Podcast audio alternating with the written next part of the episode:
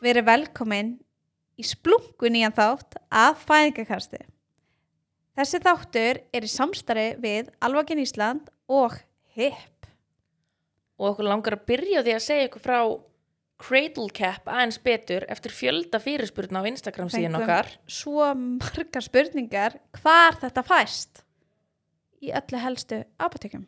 landsins. Já, En Cradle Cap er meðferðasett við skóf í hársverði eða svona skán sem myndast já, já. sem að leysir upp storknaða húðfitu, veitir raka og myndar verndandi lag í hársverðinum. Já, ég mæli með að kíkja á þetta. Þetta er allan að algjör snild eins og ég sagði í senstætti. Þá er ég búin að prófa þetta. Já. eins og allt annað. Og svo munu, viljum við sj- að sjálfsögðu minni ykkur á að velja lífrænt frá hip Lífrænt ræktar krukkumatur. og mjólk. Lífrænt ræktaður. Það er svo leys. Mhm. Eins og hann. Ok. Það er það ekki heitt. Jú, ég er alveg hann sveittir. Já, ég líka. Ég minn Það er álát og í hægt. Þetta er- löpunum. Hver býr til glugga sem hún getur ekki að opna? Ok. Við erum velkomin í splungu nýjan þátt af fæðingakast. Þessi þáttur er í samstarfi við HIP Ísland. Nei. Það sæti auðvitað. Nei, glimt þessu. Ok. Við erum velkomin í splungu nýjan þátt af fæðingakast. Þessi þáttur er í samstarfi við Alvagen og HIP. Og eftir fjölda fyrirspurna á Instagram síðan okkar, langar okkur að segja ykkur aðeins betur frá Kidsklin Cradle Cap. Ég vona þess ég að byrja þetta rétt fram. en þetta er sem sagt meðferðasett við skóf í hársverði eða svona skán sem myndast oft. Og það sem þetta gerir er að þetta leysir upp storknaða húðfitu, veitir raka og myndar verndandi lag í hársverðinum. Já, eins og ég sagði senast þetta, þá er ég búin að pröfu þetta og þetta er algjör snilt Mm -hmm. til að taka skán. En svo líka, Viljum við minna ykkur á að velja lífrænt frá hip, hvort sem það er krukkumatur, skvísur, mjólk eða annað. eða ástastangin Já. sem er geggjöð, keks ástastöng, lífrand rektuð. En, svona á venjulegu nótunum, Yfir í annað. já, þá erum við komið aðeinslan gerst og við erum búin að setja hérna í smástund að spjalla. Mögulega, já, Allt of við erum búin að vera lengi. í klukkutíma að spjalla, Já, þannig að við erum vel upphitaðar fyrir þáttinn. já, vartu velkomin. Já, takk fyrir það og takk fyrir að bjóða mér að koma. Og þú vil kannski byrja á að kynna þig.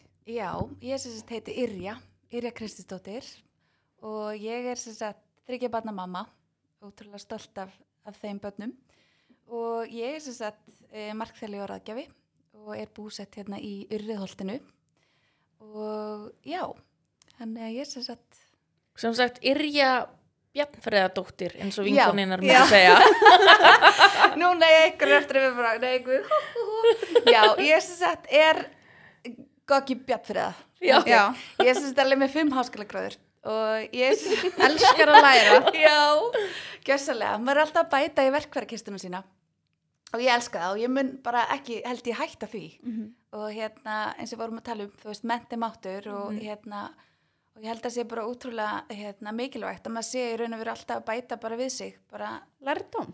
lærdóm, Já. nákvæmlega, sama hvað það er hvort sem það er í formi námskeiða eða þú veist, hvað svo sem það er maður er alltaf að bæta við sig Maður veit aldrei of mikið og maður Nei. kann aldrei of mikið. Nei. nákvæmlega, nákvæmlega en ég sem sagt, ef ég á að segja þess kannski frá því bara hvað ég er búin að læra Já, endilega, vita. hvað er með það? ég sem sagt er hérna með BA í félagságjöf Mhm. og ég byrjaði sem sagt í hérna upphafli guðfræðinni og ætlaði alltaf að vera prestur Oh. og uh, sá draumur er ekki alveg ég, hver veit, skiljiði Já, en, já, hérna, en sem sagt já og ég sem sagt hætti guðfræðinni og fór yfir í hérna félagsrækjuna og kláraði hana svo uh, nokkrum ára setna og svo hérna uh, sem sagt eh, er ég með master í upphelsumæntunumfræði Mhm. og sem sagt eh, er með áherslu á lýsleikni sjálfsmyndur og farsælt rosa jákvæður hérna master Mhm. og svo bætti ég við mig hérna e, markþjálun og svo hérna er ég búin með diplóm, diplómanám í jákværi sálfræði og kláraði núna í hérna júni í fyrra. En hvernig er jákvæð sálfræði? jákvæð sálfræði, hún er náttúrulega bara óbáslega jákvæð Já. og, og hún einhvern veginn, það er náttúrulega bara sem sagt uh, hérna, sem sagt, innan sálfræðinar þetta er bara vísindagrein innan sálfræðinar Mhm.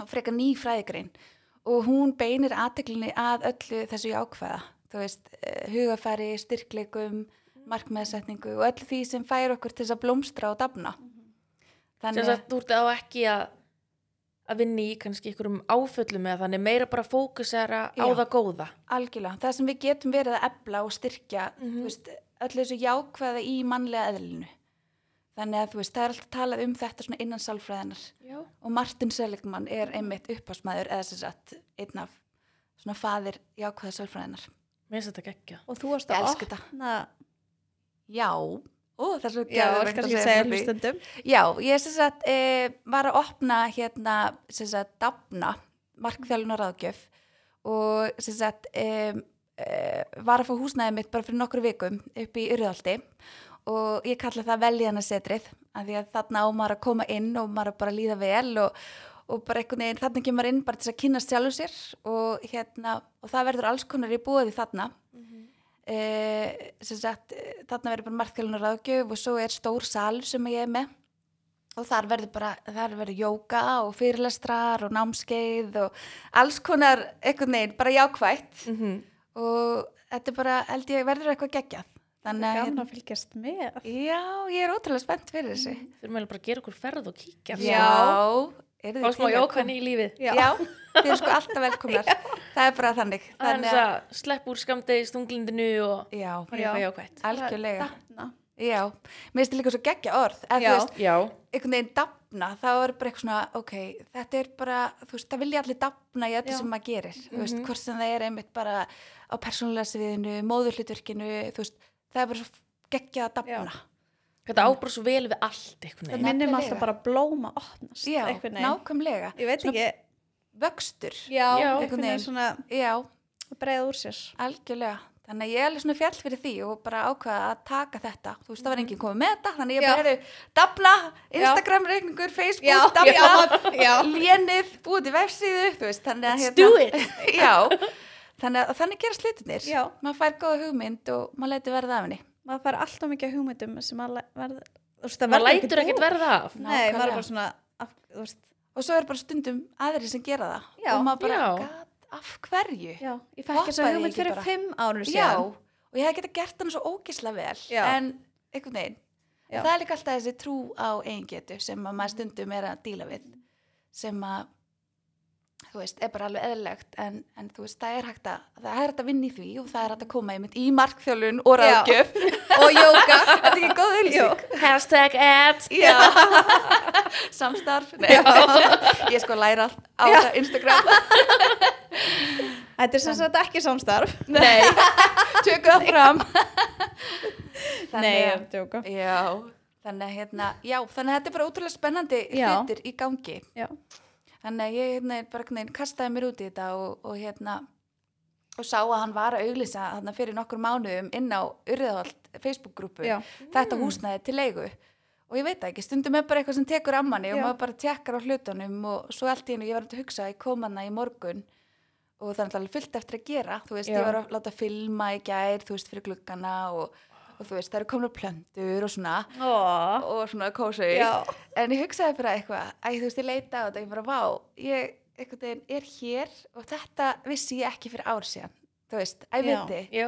bara einhvern veginn allt í henni maður komin á einhvern stað og maður bara var svona, þetta hugmynd fyrir árum síðan þetta... er mm, já, sko ég er raun og veru það er komið, já, ekki alveg ár þegar ég bara svona, heyrði, nú bara hérna, dafna, bý til Instagram og ég fór að henda inn þú veist að því þarna verið ég ákveð sálfræðinni og ég fór að henda inn bara svona alls konar tilvitnunum og, og svona hérna var að skrifa svolítið um bara út frá jákvæða sálfræðinni og svo uh, hvort það hafi verið í sumar þá sá ég að hann var að auglýsa þetta og þá bara hend, sem sagt, sendi ég á hann mail og svo bara var maður bara búin að skrifa undir samning þarna í oktober og ég bara Já. ok þannig að hérna, Þetta bara gerast. þetta er bara að gerast og núna bara einhvern veginn, já og það er bara svo geggja þegar hlutinir og draumarnir og markmiðin manns er að rætast það er einhvern veginn, gefur manni bara eitthvað svo já, Það er orkugefandi. það er rosa orkugefandi og það er það sem ég er einmitt að, að hérna, þú veist aðstóða aðra við að finna og taka pláss í sínu lífi algjörlega, ég, þú veist, mér finnst það svo mikilvægt að bara,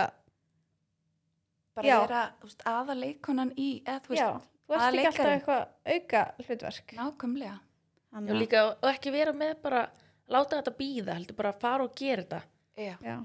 svona svo ég geti sagt frá smá persónulegri lið þá var ég að segja Viktor í frá þessi bílnum á leiðinni Nei, Sara, þú vilt ekki Ég var segja með- frá og ég er búin að vera með Nei, sófa Inget. á svölunum síðan ég flutti inn á Bara samt nokkrum ruslapókum og það er enn aldrei lapp út með rusli en allavega, það Við eru getum ykkur rætt um þetta þessa- skiptur um só, þetta snýst um sófan Ok, það var sem sagt bara, ég er bara búin að vera með læsta svalahörð síðan ég flutti inn af því ég var með sófa á svölunum já, sem var alltaf leiðin á sorpu já. og ég gæti ekki, ég býð á þriðju hæð gæti ekki opna svalirnar af því að stelpunna mínar myndi fara í sófan, þá myndi það bara fara fram af já, já. þannig að hún og var það bara, er kvíði valdandi það er mjög kvíðavaldandi Mjög svo. Já. en ég kom öllum á óvart í gær fór á sorpu takk pabbi fyrir hjálpina vel gert, vel gert og ég get svo svara, ég vaknaði sem ný manneska Já, Já. þú er ég lyft vaknaði, þar. ég bara sófinu farin já, it's a good day to be Já. alive Og búin að ætla að gera þetta svo lengi að Í bara losa ár. það við þetta ruslana og... já, og það er kvíðavaldandi það er ógeðslega kvíðavaldandi Nákvæmlega, þú ert með svona á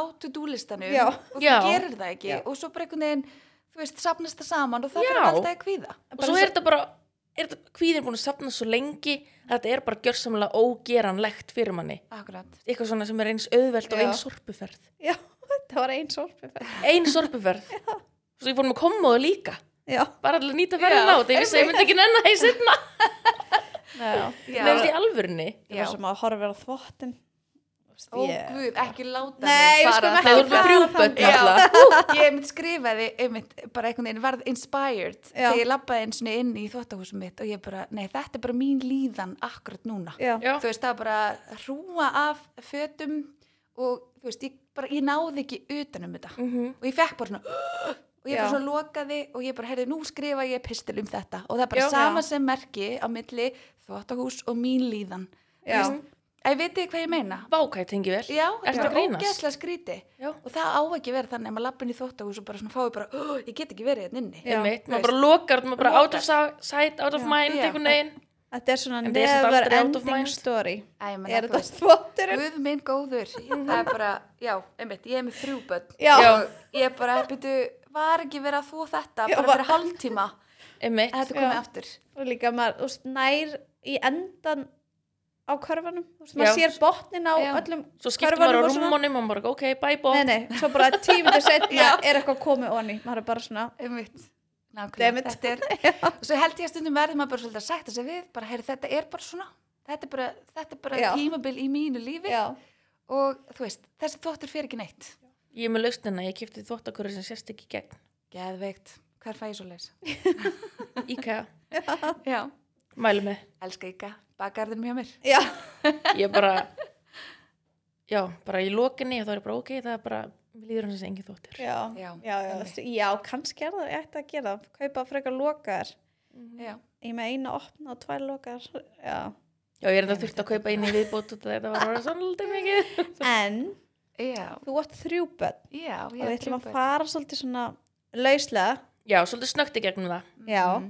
Enda voru fæðingarnar mjög hraðar, þannig já, að það er ekki að engar segja. áhyggjur En Nákvæmlega. þú vilt kannski segja okkur hvernig hún varð Akkur segi ég þetta alltaf ég veit það ekki, við viljum ekki vita hvernig þú varðist ólétt, heldur hvenar þú fattar að vera, nei, hvort þú hafa verið að reyna og hvenar þú fattar að vera ólétt Já, Já, ok.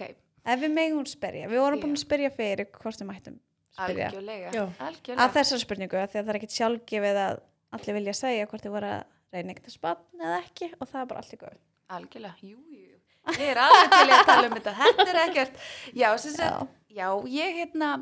E, það var kallt vetrarkvöld, Já. það var gæra á gólfinu Kertaljós í vatninu.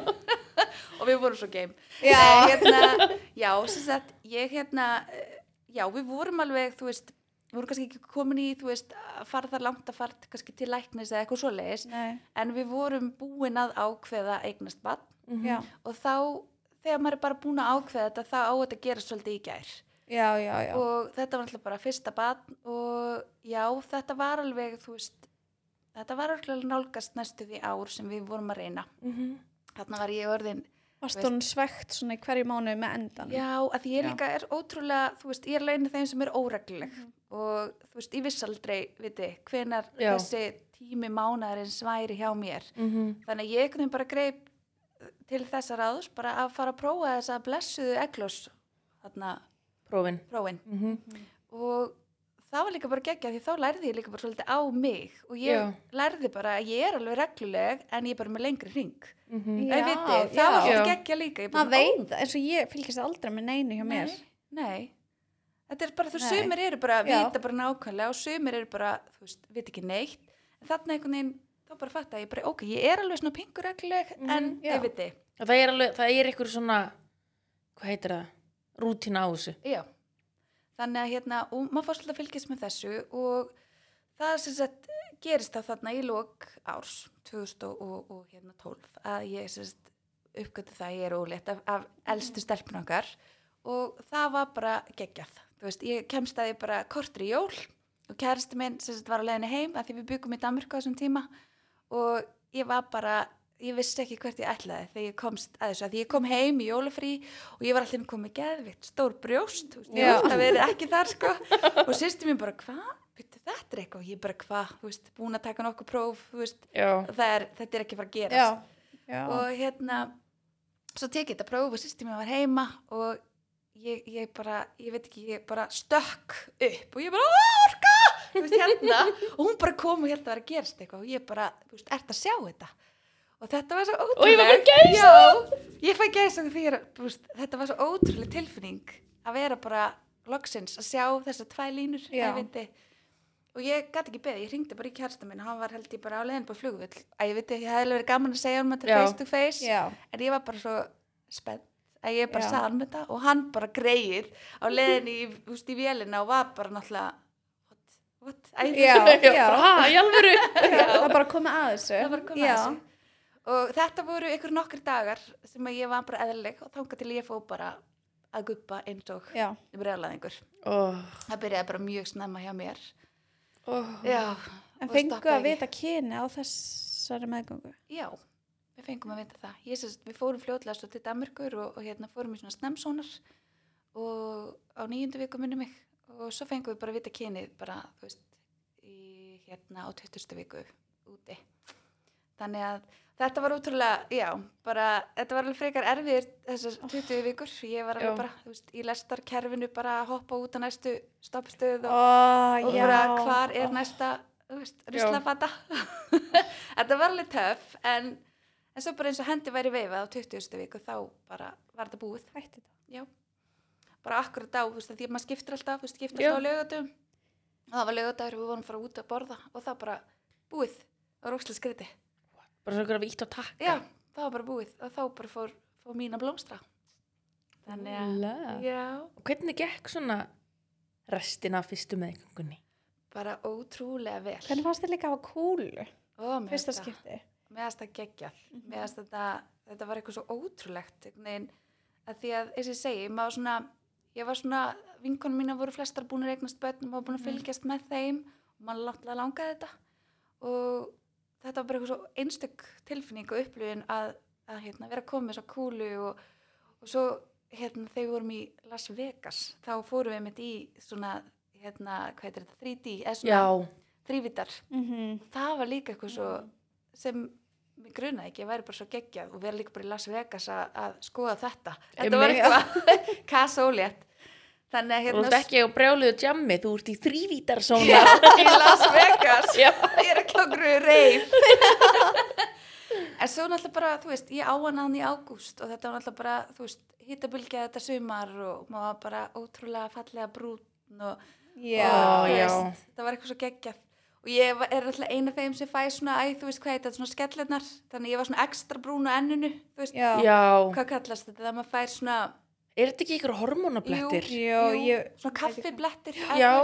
Fækstu svoleiðis? ég fekk Já. svolítið svoleiðis á enni þannig að ég var alveg ekstra brún á enni Ó, varstu Var svona með kontúrar. Já. Já, ég var svolítið sætt sko. Lala. en svo hérna náttúrulega á ég hana sko á 38. eða 38.5 uh, út af því að það var eiginlega bara ótrúlega skrítið bara ég var sett að stað og það var út af því að ég sem sagt fer hérna í þessi, til ljósmóður mm -hmm. og mér leið ótrúlega vel þetta var alveg bara mjög skrítið og mér leið ótrúlega vel ég var með svona smá seyðing viti, í höfðinu Já, og þetta var ný sem sagt, stelpa sem var svona bara ævitið, rosa dedicated og Já, bara svona ætla að gera allt rétt bara. allt rétt Já. og hún sem sagt fyrir að spyrja mér bara hvernig mér líður og ég er bara svona, æ, ég er bara með pingu svona, eitthvað hausverk og eitthvað, hún bara, ha, bíddu, hvað segiru? Og bara fer bara þvílegt að skoða mig og bara, herri, þú, við sendum þig bara hérna upp á, hérna upp á spítala og látum skoða þig betur og ég bara, bíddu, wow, herri, þetta er eitthvað. Og svo hérna er ég komin upp yfir og þeir skoða mig og þá er ég bara komið fjóra í útvikun. ha, Já, og hérna, einmitt, kom með fjóru og jútufkun og þeir bara, heyrðu, þú ert bara eiginlega bara að maður fara af stað og það er smá breyting í blóði hér þannig að er svona ykkur sýking að það myndast var eitthvað svona meðgöngu Eitrun, Eitrun eitthvað að svona, myndast. já. sam, og þeir samt eitthvað svona, ef þú hefði verið komin sko stittra það hefur bara leif, leiftu sér svona aðeins að matla í Já. þér en af því þú ert komin hann með fjóra og ert bara mjög vel opinn, Já, þá bara ert þú að fara heim á eftir eða á morgun bara með bann oh og my ég bara god leit á kæristu minn og ég bara fór að væla Já. Það var já, skrítið. já, bara sjokk bara þú veist, já, bara svona svona gleði bru- einhvern já, veginn, að já vera að fara að eignast bad og hérna ég var sérst með skítut hár og ég var ah, bara Típist já, alveg þar já, og ég sem sagt uh, fekk hérna uh, bara þeir skoðuðu mig og þeir hérna sprengtu belgin Já, og svo sagðu þeir, herðu, þú veist hérna, þú færði hérna smá tíma þangar til að verkinni koma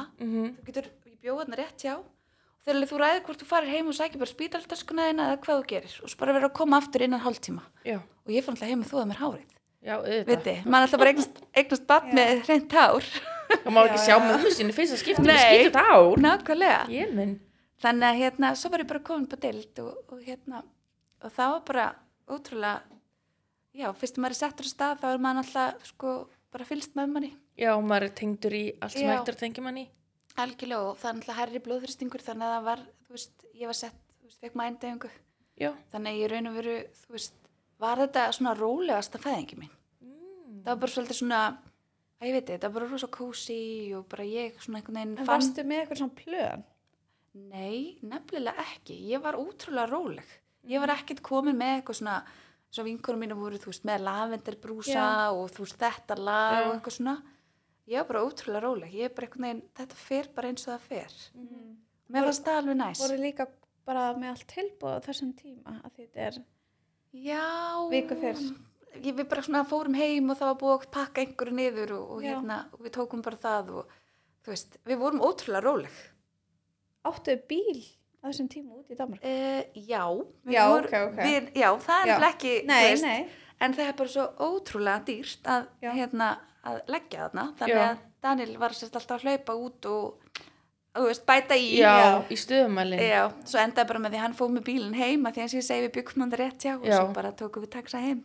ég með barnið Já. ég hef með Það var heilt ekki það, hægt að- sko Já, að fólk gerir það, taki bara bílstölu með Já. sér og taki Já. taxa algjörlega Og Vá, það redda sér. geggja Já. Fyrst að taxaferðin já, já, já. bara redda sér þannig að þú veist, þetta var varstu búin að taka eitthvað ákvörðum að fá ekki mænudæmingu nei, ég var ekkert neina ekkert, af því ég fekk ekki optionið, af því að hún sagði bara Já. við mig, þú veist þú verður að fá, út af því að þú ert með háan blóðþrösting, Já. þá bara verður að fá og það er ekkert neina ekkert hægt og ég ekkert neina bara, já, ok, þú veist, það er bara Já. þannig svo horfði maður alltaf bara á mónitorinn bara fara, þú veist, geðið Já. kátt og maður byrti hvað er að gerast, það bara þvílík hríði gangi Já. og maður fann ekki fyrir þessu og svo varstu allt í bara einu- nappað já, bara fengið blund Algjörlega, algjörlega. Þannig að þetta var alveg svona mögnuð upplifun og svo náttúrulega bara fór maður að finna fyrir þessari, Römbings þessum Já, rembings. já. Þannig hvernig fannst þér hún?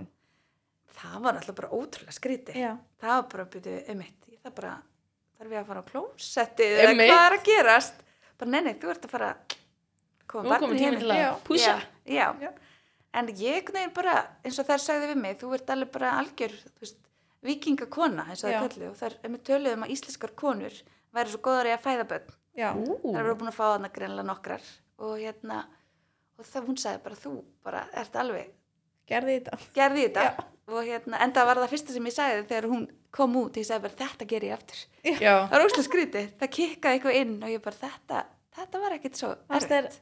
ekki erfitt að rempast Mm, nei, þetta var líka bara svo stutt, þú veist, ég remdist bara nokkur sem ég er bara einhvern veginn Draumur Þetta Svona var- fæðing var það. þetta var, þetta var draumafæðing Já. þó ég segi sjálf frá þannig að hérna, en auðvitað náttúrulega bara, þú veist það var kannski meira, ég fann meira fyrir því eftir ég eignaðist hana þá, Já.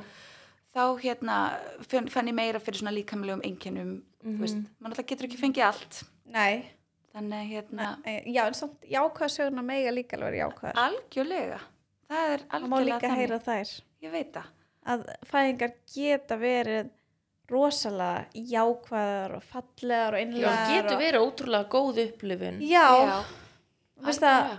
minnst þú sem oft þegar kannski er að bæta svo inn í allt og hérna en ef þú átt jáka upplöfum þarf það að reyna að finna eitthvað neikvætt já, við það sem að bara, e, algjörlega. það á ekki að við erum þurfa að hætta því bara já, já, bara þú veist, allar sögur er jafn einstakar Algjörlega. eins og það eru margar algjörlega Stundum er bara allt fullkomið og gengur upp Já. og stundum bara gengur ekkit upp já, og, Einmitt. en það bara samt- bæði allt í lagi. það er samt þeirra Já. saga já, það Einmitt. er bara allir með það er bara málið, Já. það er bara málið en það er líka, þú veist, sem ég komst að svo, þú veist, setna meir er að, þú veist, eins og ég segja því ég fann aðeins meira fyrir því eftir á að því ég sem sagt fekk e, sem sagt, e, að því ég fór að finna fyrir óþægjendum eftir þú veist, mér leiðin svo það væri alltaf eitthvað á milli viti, þú veist, Ah. eitthvað svona sem kom út og ég grindist með svo kallar endaþarm sig já, Ah. sem að konur einhvern veginn hafa oft á tíðum bara svona, þetta er bara svolítið tabú Já. Viti, þú veist, að einhvern veginn að, veitu, hvað er þetta? Það er, þú veist, ekki vissi ég hvað þetta var og ég vissi heldur ekki að það verður rosalega mikilvægt að passa upp á, þú veist, eins og þú veist að taka játnið eftir fæðingu, það er náttúrulega, þú veist, það er ekki, algjörlega hart þú veist að þú lætur bara já, eða hvað segir maður, annan kúkur já, algjörlega, bara, þú veist bara kúkur þú Já. veist, þetta er bara gert Það svo gefur manni bara stíflu. harðlífi. já, harðlífi sko. algjörlega, Þú algjörlega, veist, maður þarf að passa upp á já, allt þetta allt þetta, eftir ef þú taka játn þá þarftu hvað þarf maður þá ekki að taka magnesium líka og sorbitól og Nei, bara þú veist, það er einhvern veginn bara vantaði svolítið Já. bara inn í fræðsluna allavega þarna hjá mér að Já. bara passa upp á þetta. mm En í raun og veru þarna, þú veist, einmitt, áttur um að ég spyrja alveg, Já. þú veist, fannst þér eitthvað þú veist, fannst þér auðvelt að fara á klóstið eftir fæðingu Uh, nei, að ég pissa upplýði, og já, mér þetta. fannst auðvelt að pissa en ég upplýði þessa, hérna, að þú eru ekki að kúka já, og það var erfitt Já. Mhm. og, þú veist, og það var ekki fyrir eftir nokkra vikur og ég fór að finna fyrir þessum óþægindum já, og fór að láta skoða mig og þá er ég sem sagt greind með þetta já, sem er svolítið fyndið vegna þess að e, núna þreymum bönnum setna þá hefur þetta gengið svolítið tilbaka Já. og uh, var, ég var, sem sagt, var hjá lækni kallast þetta eitthvað annað á íslensku Nei, þetta kallast bara þetta. Þú veist, það er náttúrulega leg sig, blöðru sig og Já. enda þarf sig. já, En ég held, án þess að ég þekki þá svona lýsir, þetta sé svolítið svona, þetta er óþægindi, já, en þess að sé eitthvað annað milli. Mhm. já, Og ég held að konur vita ekki oft hvað þetta er. Mhm. Og það er einhvern veginn, eh, allavega eins og læknirinn minn sagði, hann sagði, þú veist, það er bara rosa konur, margar konur með þetta án þess að vita það. ah. Æ, ég viti, já. já, já. en allavega þú veist, svo, hérna eins og í dag, þú veist, þá finn ég ekkert fyrir þessu. Nei. Og er ekkert hægt að gera Jú, þú náttúrulega getur farið í aðgerð sko og Já. látið laga þetta. en hvað er það sem gerist Það er bara eitthvað sko veggur á milli endaþarms og píkunar. Já. Hann bara svona aðeins bara, hann veikist í þessu. Ah, Hann bara svona aðeins, tó, þú veist, að því að fæðingin alltaf er svo svakalegt mm -hmm. og það hérna, þú veist, bara svona hann aðeins veikist, það tó, tó, þú veist, tegist aðeins á honum og sveigjanleikin, þú veist. já, En svo þegar ég er að láta skoða mig þarna að því ég var alltaf bara svolítið hrætt fyrir næstu fæðingu Já. út af þessu og þá læti ég skoða mig hérna af svona fæðingarlekni hérna heima Mhm. og hún þá hefði bara talaði um bara þú veist þetta, þú veist, þetta er ekki neitt, þú veist þetta er eitthvað sem þú ert ekkert að þetta er uh, svolítið búið að ganga tilbaka hjá þér já, og þá einhvern veginn varði ég bara einhvern veginn miklu rólegri og Já. bara þú veist að því ég finn ekki fyrir þessu eins mikið ég fann eftir þessa fyrstu fæðingu einmitt hvað helst þetta væri ég hef bara ekki hugmynd, ég var bara að byrja Já. hvað, Já, þú veist, þú- hvað er í gangi og hérna þannig að þú veist, og svo náttúrulega getur maður alveg ég fór til sjúkurþjálfara eftir fæstfæðinguna og, og maður getur náttúrulega bara með því að gera þessar grindabótsæfingar og allt Mhm. þetta, maður getur náttúrulega reynd einhvers konar að, að þú veist, styrkja sig sem Já, ég að mæli strekkja. alltaf með í algjörlega og ég hefði átt að gera það líka þú veist, eftir aðra æfingu en ég fó, nei, sérst, eftir aðra meðgöngu en eftir þriðju þá fór ég til sjúkraþjálfara upp á landspítala sem var bara geggjað og ég mæli með því og var að gera grindapasta já, hún bara hjálpa Já. mér að bara að einhvern veginn læra upp á nýtt, bara svolítið að Já. virkja og það var svo gott að vita að hún sagði þú ert með fullan styrk þú veist, Já. það er ekkert þú veist, það er ekkert, þú þarf bara aðeins að þú veist, að læra að nota þetta rétt af því Já. að þú getur líka verið að spenna hann of mikið þú veist, með of spennan grindabott Já, við fórum með mitt yfir Já. það með Indíönu já, að Já. bara svo margir sem að gera alltaf grindabótsæðingar Já. eins og maður á að gera en eru með of mikla spennu nefnilega og maður veit það ekki nei maður veit ekki neitt og það er svo skrítið vegna þess að þarna var hún að aðtuga þetta en eftir þriði Já. meðgönguna Já. eða fæðinguna og þá fann ég verk sem að ég fann í fæðingunum þú veist, sem var þá Ah. greinlega út af því að ég var með ofspenntan grindabott Já, sem var þá að valda þessum svakalegu hérna, verkjum í fæðingunum já, þannig að þetta Ah. er eitthvað svo mikið þú veist, samspil Já, sem maður bara áttar sig ekki á bara einhvern veginn, þetta er svo magna já, líka mér náttúrulega bara, já, hvernig leiðir eftir fæðinguna eða þú veist bara andlega og bara verið með lítið unga barn verið út í Danmörku, Danmörku. einu Já. manninum skvarninu Já, veist að mér leið bara, ég, mér leið ótrúlega Mm. vel. Bara við vorum aðna þrjú og svo bara fengum við aðna heimsóknir. Mamma Já. náttúrulega kemur aðna, þú veist, þegar hún er tveggja vekna, pappi kom vikuna undan reyndar Já. og sýsti minn kom líka og þá þau voru all í svona, þú veist, viku til tværi vikur Já, og mamma var einstaklega, sko, hún segir alltaf að þær hafi bundið, þess að það var eitthvað svona, eitthvað svona bond sem var Já. þarna, þú veist, hún bara einhvern veginn tók freyju, elstu, og var bara með hana hjá sér á nóttunni þegar hún var og kom svo til mín og sagði, "Heyrðu, hún er svöng, já, ég gaf henni, svo tók hún hana aftur og þetta var eitthvað svo, og það er í dag, eru bara, það er eitthvað, það er Já. eitthvað Já. ótrúlega fallegt þarna og ég var svo þakklátt, ég fekk að Já. sofa já, vá þannig að það kannski var ekkert verra að þú veist að vera þarna úti og svo hérna vorum við nokkrar íslenskar stelpur sem að hérna hópuðum okkur saman Mhm. Ah, hérna vorum í þessari frábæru mömmugrúpu og þær eru bara yndislegar og við erum rosa góða vinkonur í dag þannig að þetta var bara æði, bara luxus þetta var luxus já, hittust alveg örglega tvísar í vikustundum og vorum bara í, þú veist, í kaffi og, og köku og bara strolluðum hana í kaupmannar með vagnana og bara þetta var geggja bara lífið já, bara, og ég fæ bara ég svona búin "Ó, ég að vera sakna." solbrún og sæt já, já, já, já, á. algjörlega þannig að hérna þannig að ég bara, já, ég upplýði þetta var alveg indislegt fæðingarólf en hérna þurfti að nefna hana áður en þau fóru af spítalunum uh, nei, það Nei. þurfti ekki að gera það en það þurfti að nefna hana innan einhverja vikna sem er ógislega rögg já, annars, Pressa. ég veit það annars hefði hún fengið eitthvað danst drottningarnafn eða eitthvað við minnum Já. að það hefði verið þannig, annars hefði hún fengið bara, þú veist, Margaret eða Já. eitthvað. Já, Þannig að, The hérna- Queen Margaret já, já, algjörlega þannig að við þurftum að fara og nefna hana og fórum Já. með hana þess að já, í kirkina hana sem var bara einmitt líka rétt við liðan það sem við byggum ég, akkur er ég ekki að nefna Já. þá þannig að hérna já, þannig að við þurftum bara að nefna hana og, og hérna, sögðum engum frá því bara, svo skýrðum hana heima já, þannig að, algjört í leina ég. já. já, en svo verður þau aftur ólétt tveim árum senna Já, og þegar hún er að verða þryggjara þá hérna uh, voru við sem sagt að það var bara komið tími á bara Já. barn nummið tvö Mhm. Mm. og þá alltaf voru við flutt til Íslands og hérna og já, þannig að hvernig það, fannst manninum að flytja hinga? herðu, hannum finnst þetta bara eiginlega frábært. Er það? Já, við nefnilega vorum svo fyndin að hérna að við sem sagt vanlega flytum maður út í Danmörku til þess að fyrir háskóla já, En við sem sagt ákveðum það að koma hinga heim til þess að fyrir háskóla og, tó og tókum og fólk var bara, jésús, hvað er það að pæla?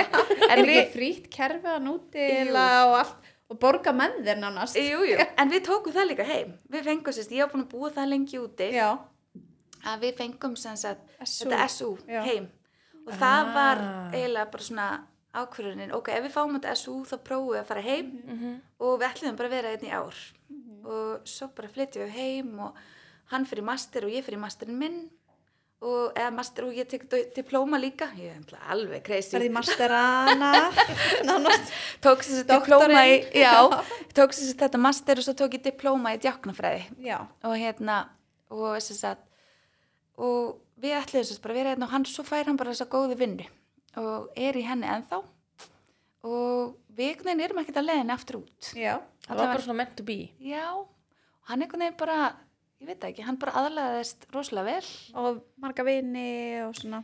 Sko, hann náttúrulega, þú veist, já, hann alveg, þú veist, hann á vini, þú veist, en auðvitað Hann á saknar hann. Hann, já, hann, hann, já, hann á vini, Já. en já, hann á vini á Íslandi. Og, en þú veist, auðvitað náttúrulega, þú veist, er náttúrulega alltaf, hann saknar vina sinna Já. úti, þú veist, og það er náttúrulega erfitt líka sérstaklega á þessum tíma, þú veist, hann Já. er ekki búin að fara út núna í, þú veist, ár, Mhm. Já. þannig að dregst erfitt og svo ætla ætliðum við að gifta okkur sko í kaupmannöfni í fyrra. Ah, já, já.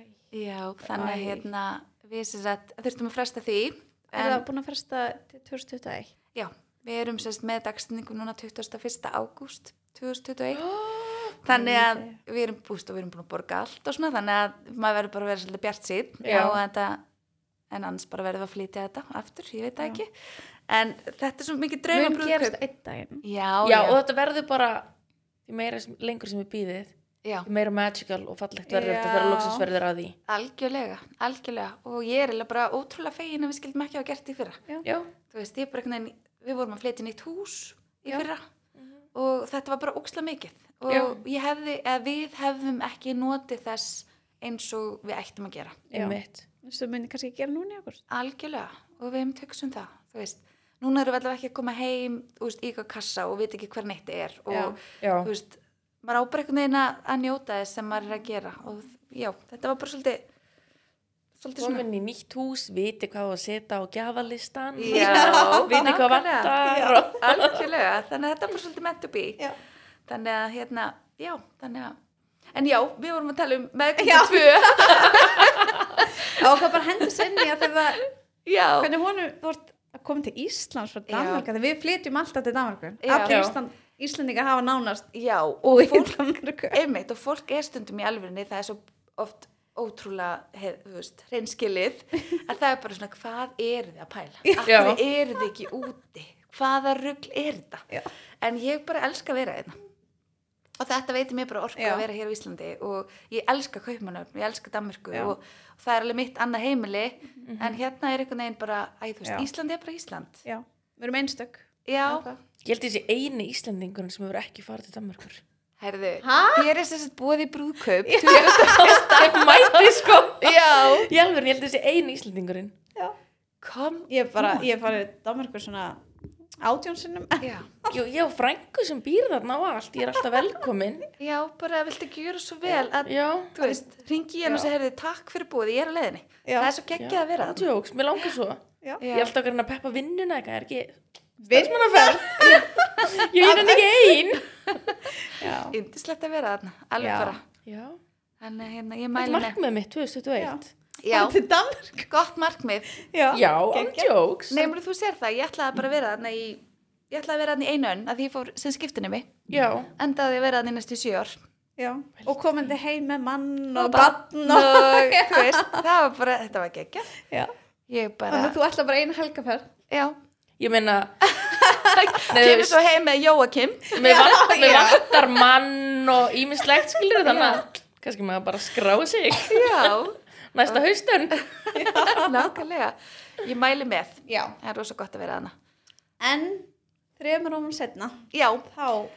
þá sérst var komið að barni nummið tvö Já. og hérna og ég sérst að eh, þarna var maður náttúrulega líka bara fann að aftur, þú veist, fann að pæla bara, re- þú veist, og bara reyna, þú veist, auðvitað maður gerir það þegar það er bara búið að ákveða að það sé barni nummið tvö að koma og ég sérst að verði þarna ófrísk og svo náttúrulega bara, eh, þú veist, viku setna þá, þú veist, þá bara fer það Já, og maður náttúrulega bara ógisla það var bara svona heimurinn hrundi svolítið og maður náttúrulega hugsaði þú veist, hvað, þú veist, hvað, akkur er ég að láta svona veit ég ábætt fyrir og maður Já. á að vera þakkláttur fyrir það, en það er bara ekki þannig þú veist, maður er þarna komin með eitthvað annað líf sem maður er bara einmitt fann að sjá fyrir sér að verði, þú veist, stelpa eða strákur eða, þú veist, maður er bara komin fram úr sér já, en ég sem sagt og það verður ekki sem sagt, að neinu þannig að hérna og ég sem sagt var þarna hjá hvern sjúkdómalækni sem að staðfesti það já og hann er mitt bara sem sagt mæli með því ég bara láti sem sagt taki, ég man ekki hvernig það var svo langt síðan einhverju útrinsi töflur eða bara núlstilli mig með einhverjum Mhm. og Já. ég eitthvað svona, þú veist ég, mér fannst það ekki alveg eitthvað en ég vildi bara aðtöku hvort það væri einhver önnu leið já, og ég heyri sérst í annari öðrum kvennsjúkdómalækni sem sagði bara þetta væri bara þarna væri akkurat bara núna ert þú frjó, þú veist já, og þú átt ekki að vera tegna töflur og þú bara, hérna, bara byrjar að prófa bara frá og með deginum í dag Mhm. og ég er svo glöð að ég skildi að hlusta á hana vegna Mhm. þess að þú veist, ég fór ekkert aftur á blæðingar það var bara komin hann að lítil skvísa Já.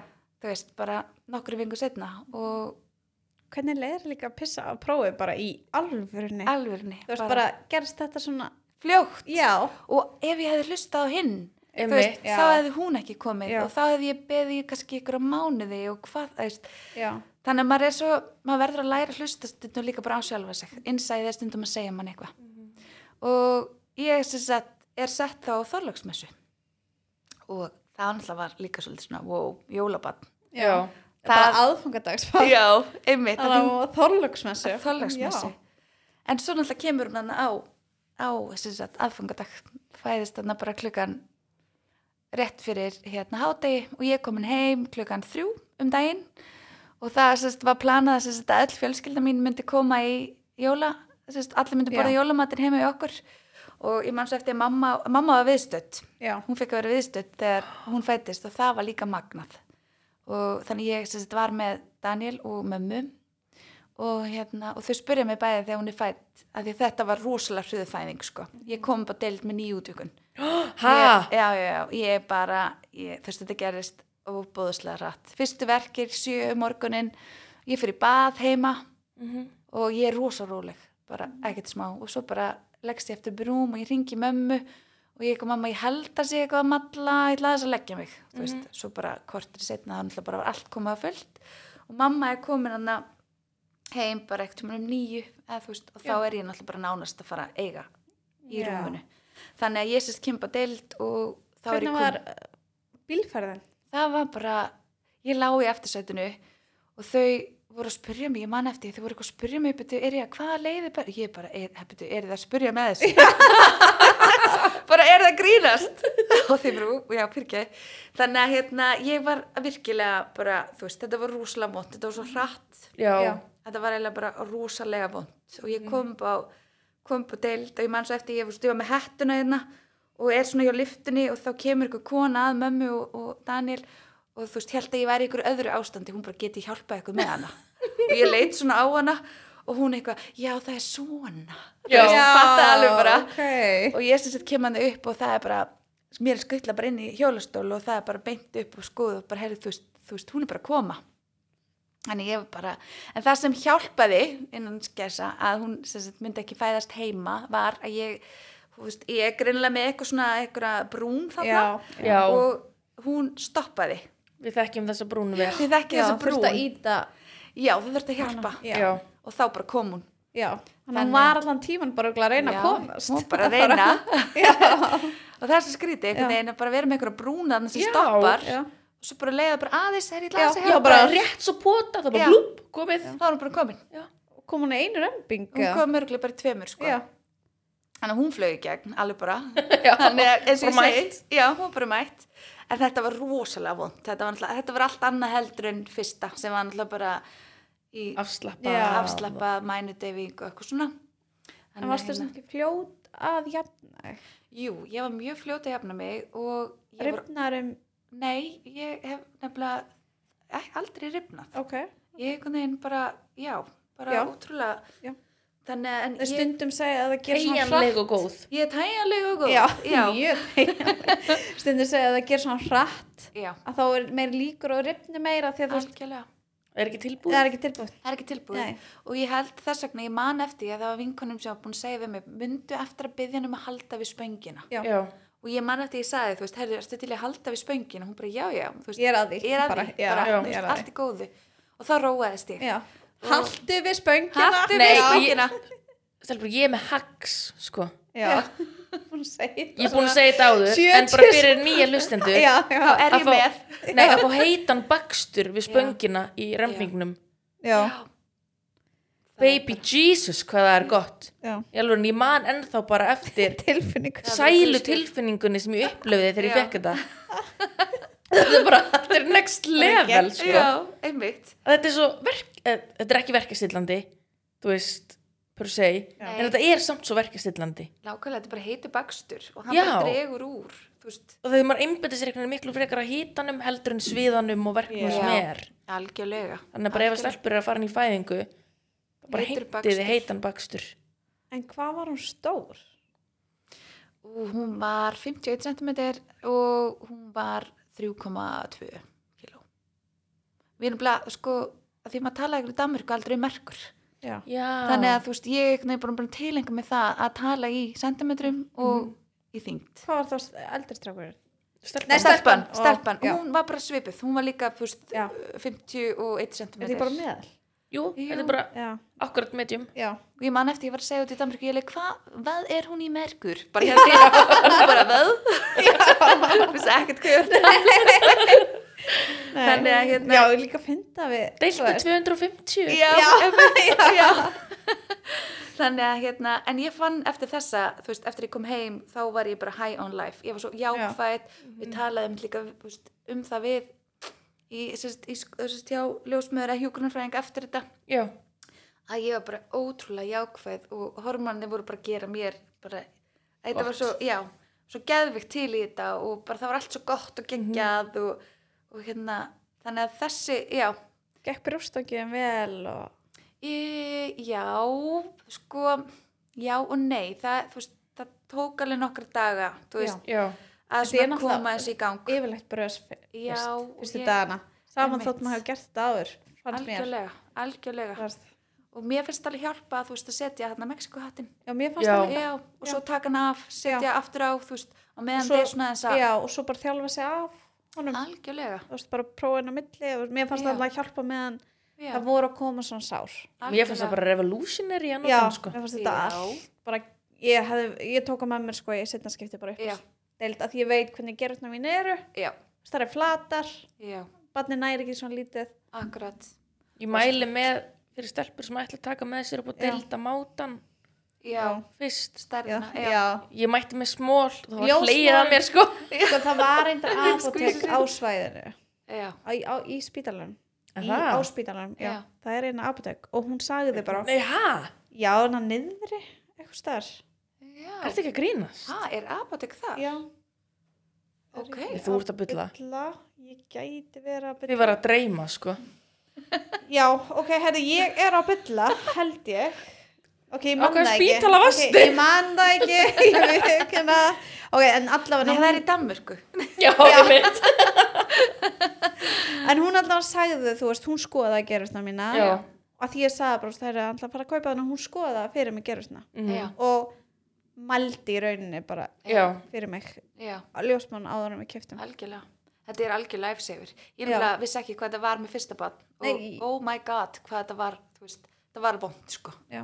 ég man eftir ég var Já. að fara í sturtu og þú veist, vatnið svona Já, og ó. maður bara, oh, þú veist, Og líka, kveið vo- já, vond. Sumir lenda samt ekki í þessu, Nei. ég er bara svona, þetta er svo Nei. mér, eins og bara, allir Algjörlega. eru misjafnir. einmitt En að fá þessi sár og setja batna á brjósti með sár og það er ógislega erfitt. Já, líka þú ert fann að telja niður bara ok, ég er að fara að setja hérna á Já. 1, 2, 3, 4 Já. og Bara- bara, svo, aaa, þú veist, Já. og enginn má tala við mig á meðan, þú veist Nei, einmitt, maður verður bara alveg hljóð, maður er bara í sínum heim, maður er bara...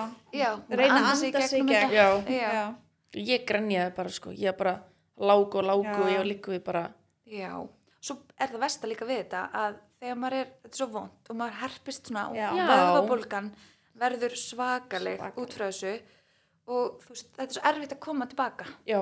Þetta tekur svo mikinn tíma Líkamlega, Já, Vont sérstaklega, já, sérstaklega líka svo stutt á milli og maður er ný einhvern veginn hættur og svo bara Já. aftur áfriskur og maður fyrir aftur í þetta Já. og þú stóði bara svona, já þetta er veðvabulgan sem ég var með hana í, já. þú veist, í marga mánu Einmitt. þannig að þetta er líka ókslega mikilvægt að huga að einmitt allir þessu, stellingunni og bara eitthvað svona úff. Já. þannig að hérna, það er bara, maður lærir þetta Þú veist, Já. Já. með hverju barninu þá er maður alltaf að læra nýtt. maður læra alltaf nýtt, maður Já. kann aldrei um mikið eins og Já. sem það Já. nákvæmlega, nákvæmlega þannig að hérna, þannig að þetta var alveg svona, já, En komið þið heim í jólamann? herði já einmitt þess að ég var að segja, mamma og, og kærst minn voru alveg bara, ertu alveg viss að ekki var bara að cancela þessu jólapartí hérna, klukkan 6 eða og ég er náttúrulega á, þú veist elsta dóttir mín alltaf búin að hlakka ótrúlega Já. til Já. og, og einhvern allir að koma heim og það alltaf var ekki COVID já. Já. og Þetta var í lagi. það var í lagi og, hérna, og ég bara einhvern veginn ákvað það bara nei, veist það bara þú veist, þið eru bara nánasta fjölskyldin mín og, Mhm. og ég, mér líður þannig þú veist, Já. að ég bara er alveg til í þetta og þetta var bara besta aðfangadagskvöld ever Já. reyndar vantaði pappa, hann var á sjónum en, en þú veist, að sitja þarna þú veist, með þetta nýja barn eða þú veist, og líða þú veist, bara vel Mhm. og horfa yfir alla sem maður elskar Já. og það er verið að elda ofan í þig og þú veist, og einhvern veginn passa upp á því að líði vel þetta var bara best ég bara, mér fannst þetta indislegt jólakvöld sko, aðfangardagskvöld þannig að ég hugsa tilbaka alveg bara með svona hlýju og kærleika Já. sko Já. þannig að hérna en eins og ég Vá. var að tala um áðan það er náttúrulega fólk að leiði sér að segja við mig þegar það fór að nálgast jólin mhm, bara, ó guð bara heldur hún koma jólun reyndu nú aðeins að haldinni ha? Já. Já. ég eitthvað, já ég skal já ég skal reyna að finna einhvers konar að, aðferð Einmitt. við því Að hafa skoðun á þessu. já og líka, úst, ok, allt er leið á skoðun þú þarft ekki að segja hana Já. en Líka maður ræður ekki neinn. Nei. Þú veist, þetta... hún bara Ég- kemur já, þegar hún kemur Já. og ég menna ammælstagur er ammælstagur Já. veist, þá bara býr maður til ég menna Hverjar er ykkar venjur 24. Sko, uh, við höfum reynd að halda því þannig, allavega mér finnst mjög skemmtilegt síðastliðin tvö ár að svona að því að við náttúrulega erum halvdönsk, mhm, þú veist, rísalamand, við tegum það er. Mm. Já. Já. Já, ok, það er geggjað. mhm, E, þá sem sagt, hérna, borðum við grautin í hádeginu Já. og hún alltaf vaknar og hún fær pakkana sína þá, þetta er alltaf crazy dagur, hún fær Já. í skóin, hún fær ammálspakka, svo fór hún jólapakka og núna, Mhm. Er hún ekki bara high on life allan daginn? Jú, og svo er bara búin á því Já. um kvöldi. Bara fara svo klukk nýju eða átta eða sjö Já. eða... þetta er bara, þetta er bara ótrúlega mikið fyrir Já. svona lítið barn en hérna, en við sem sagt þegar hún var tveggjara og þá náttúrulega hjá heldur við sko bara stórt 20. annan eða eitthvað, þú veist, Já. lögðu deginu fyrir eða eitthvað, þá var bara ammæli og það kom jólasveitin í heimsókn og, Já. og þá hugsaði ég alveg bara þetta getur verið óslega skemmtileg hefði líka fyrir nánsta Já. fjölskyldur og vini að, vi, þú veist, að það sé alltaf bara rétt fyrir jól mm eitthvað ótrúlega Jóla- skemmtilegt Jóla- jólaamæli Já, jólamali. já, Já. þannig að hérna Heitt kakó. Já.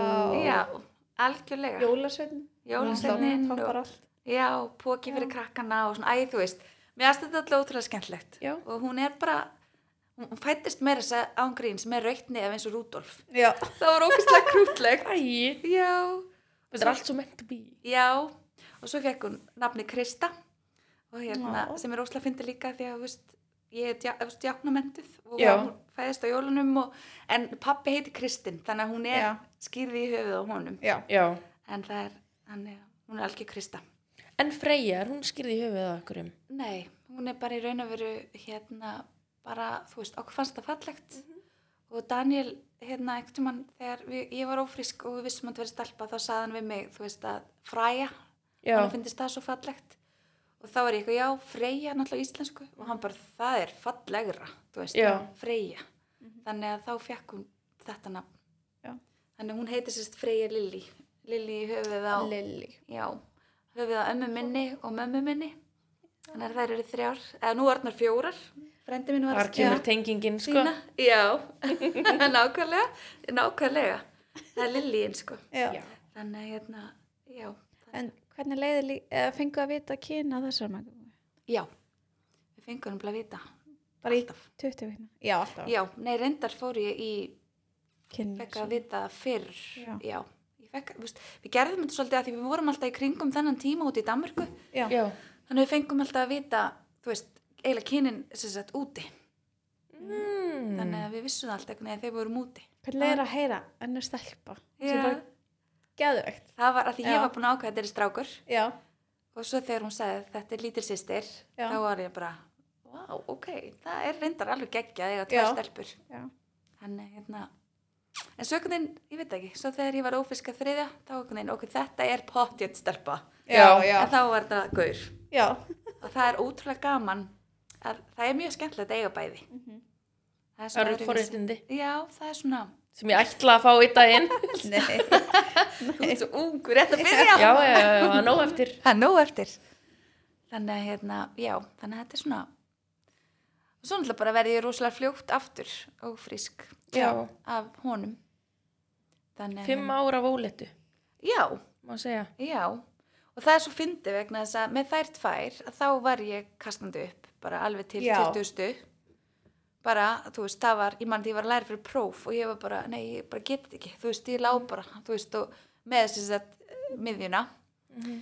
og svo bara eins og hendi var veifa bara hann á 20. viku, ég er einlega alveg þar já, Já. en með hann, ég bara þú veist, fann allar fyrir þessu, ógstlega skriti mjög skriti Þetta er ógislega fyrðulegt. já, sumi vilja meina að þetta sé eitthvað tengt Að þetta Kyni. str- já, þú veist, svo bara veit maður ekki Ég kannski, heyrði ykkur tíman einhverja svona kellingasögu að maður verður veikari og finnir meiri frá hormónunum með stelpur. já, en er þetta ekki Þetta bara er- já, Að þetta er ekkert satt sem ég er að fara að segja, Nei. ég er bara að segja það sem ég heyrði ykkur já, tíman ég að heyrði lasa þetta ykkur. líka sko Já. Þetta er gótt að þær eru að taka fegurðina frá já, mömmunni. já, ok, þú veist Já. alveg þarna En Þetta er alveg þarna Ókei, sko, þú veist já. þannig að ég veit for a fact að þetta er ekki rétt, en þú veist, þetta er svo gaman að pæla í þessu. þú veist að taka fyrir já, þess vegna eru þær svona sætri já, en ég já, tók þetta á að tóku þetta af mér Já. Þess vegna var ég eins og skessa á mínu meðgöngum og börnum minn fæðist svona Já, sætt. einmitt Bara svona gott að tengja við þetta. já, svo einmitt fór ég bara að pæla ef þú veist kannski, ég menn það er svo stutt á milli hvort að líka minn bara einhvern veginn já, kunni þetta bara, eða þú Já. veist, það var eitthvað svona old news einhvern veginn, gamla þannig fréttir að fyrir þú hann. pissaði bara prikið og varst bara góð og Já. næstu vikur Já, ég meina, þú veist, ég held ekkert ég ekki hafi í ælt einu sinni. greindinni eða neitt svona Nei, bara var ótrúlega góð, bara, þú veist, leið ótrúlega vel. Þannig þannig er þetta líka að sjá um tvö börn Yes. og það já, er alveg vinna að sjá um Já. tvö lítil börn Já, hún er bara tveggjara og hinn er hvað fimmara já, já. algjörlega. Þetta er náttúrulega, þú veist, og meira en að segja það. já. Já, og maður þarf náttúrulega bara að sína kvíld en maður náttúrulega fær, þú veist, jú, jú, ég meina, ég var ekki alveg að vinna á þessum tíma, ég var í skóla og svona og ég náði þá alveg að kvíla mig skilja Já, við daginn mhm. en ef ég hefði verið í, þú veist, bara einmitt 100% vinnu og svo Já. bara einmitt sækja og svona, þetta er, Einmitt. þetta er töff. Já. þú veist, en, en hérna svo er svo ótrúlegt hvað þetta er eitthvað fljótt að gleymast já, svo er það Um það. leiðu barni að koma í hendunar, það Það má er bara, bara ok, búin. næsta. næsta, ég er svo Já. til í þetta Já. en hvernig, hvernig fengið að vita að hann stráku bara í 20 veikna mm, nei, Það er við svona. fengum að vita það aðeins fyrr Við Já, fórum já, já. úti. Fóru út. já, Já. já. fengum að vita og aðeins hvernig fyrr leiðir bara strákur já, nei, heru, ég er að ruggla í ykkur stelpur, ég er að ruggla í ykkur ég fekk ekki að vita með hann úti ég er að ruggla saman, það var sem sagt við ákveðum að vita ekki fyrr á 20. viku ok, fórum í sónarinn Já. og báðum hana um að hérna, setja þetta bara í umslag og svo fór ég í partibúðuna stelpur. já Já, já, nú er maður sko, maður er búin að gera þetta svo ofta, maður er búin að ruggla Já. þessu saman. en við sérst fengum þessa blöðru. Já, ó, ég prófaði það líka. var ótrúlega skemmtilegt. já, Og þá, sérst að, letum við stelpuna okkar elstu, af því Já. hinn alltaf var svo lítil. Og þá kom þetta bláa hana út Bláa af blöðrunni. konfetti sem um Já, við notum allt. Já, já, Og það var, það er til vídeo og ég er bara, what? Þú veist, það Já. var bara, þetta er gaur. já. Þannig að hérna, það var ótrúlega skemmtilegt líka. Já. Eh, Ég er þetta svona. Þannig að, ef ég kem- má koma sinni þegar ég fekk að vita að þetta var strákur það er engi strákar í fjölskyldinu minni já, þannig ég hafði ekkert verið þú veist það er bara, ég, sko risa fjölskylda en það Já. koma bara litla stelpur Já. það eiga allir litla stelpur já, svo kem ég allir með lítinn gaur já, búin að eiga eina stelpu fyrir já, ég var bara svolítið, ok, og hvernig er að eiga strák? já, þú veist, Já. ég er svolítið svona bara þú veist, að þegar alltaf verið að segja eitthvað strákar er svo ofvirkir og búið Já. að gera eitthvað svona mít um að já, þú veist sumu finnst bara eins og sé ekki jafn gott að eiga strák að ég Já. veit ekki hvað ég er að fara út í já, já. Einmitt, það sumir er eru með hreint. þessar hugsanir einhvern veginn, þú veist, sem er náttúrulega bara ekki rétt. Mhm. En Ég þurfti bara svolítið bara, já, ég er með strák ég var geðvegt ánað, en ég Já. var bara og hvernig er að eiga strák? Já, einmitt. Ég var bara mesta kúrara og Já. mesta krús í heim, ég var geðið átt 30 svona stráka með við Já. stelpunum mína, sko. Ég er bara, þú veist, hann vil bara fara aftur inn í mann, sko. Já, já. Hann er bara, mamma knúsa, Já, þetta er svona hjá mér, sko. endalaust. þannig að, en ég, að ég veit ekki, mér finnst bara ofta eitthvað, þú veist, stelpu vilja eiga eigna stelpu og, það, Já. og þurfa svolítið svona meðtaka sjálfa sig þegar kemur strákur er blátt úr blöðru eða eitthvað svona. Já, en ég vil og þú bara veist, segja ykkur stelpur þetta er best í heimi sama hvað það verður algjörlega. Þú veist. Og það er alltaf lægi samt líka, þú veist, maður má alveg vona. já, maður má líka hafa Það er tilfinningar alltaf lægi, skilju. Og maður má alveg, þú veist, segja það. Æ, þú veist, ég hef alveg verið til í að eignast, þú veist, ég á tvær stelpur, Já. það hefði alveg verið gaman að eignast strák, en, þú veist, en svo þegar maður veit þetta, þá Já. gæti þetta ekki verið öðruvísi. Já. nei, ég Þú veist, veit það það, bara- já en svo, Þannig já, já, æg Já, allavega mín svona upplifun einmitt, hann er bara, Ég er bara á mjút. þú ert bara að byrja að pantaði ferð til Danmörkur. Já, já, ég er bara að býja þetta Jóakim og stráknum mínum. Lákalega.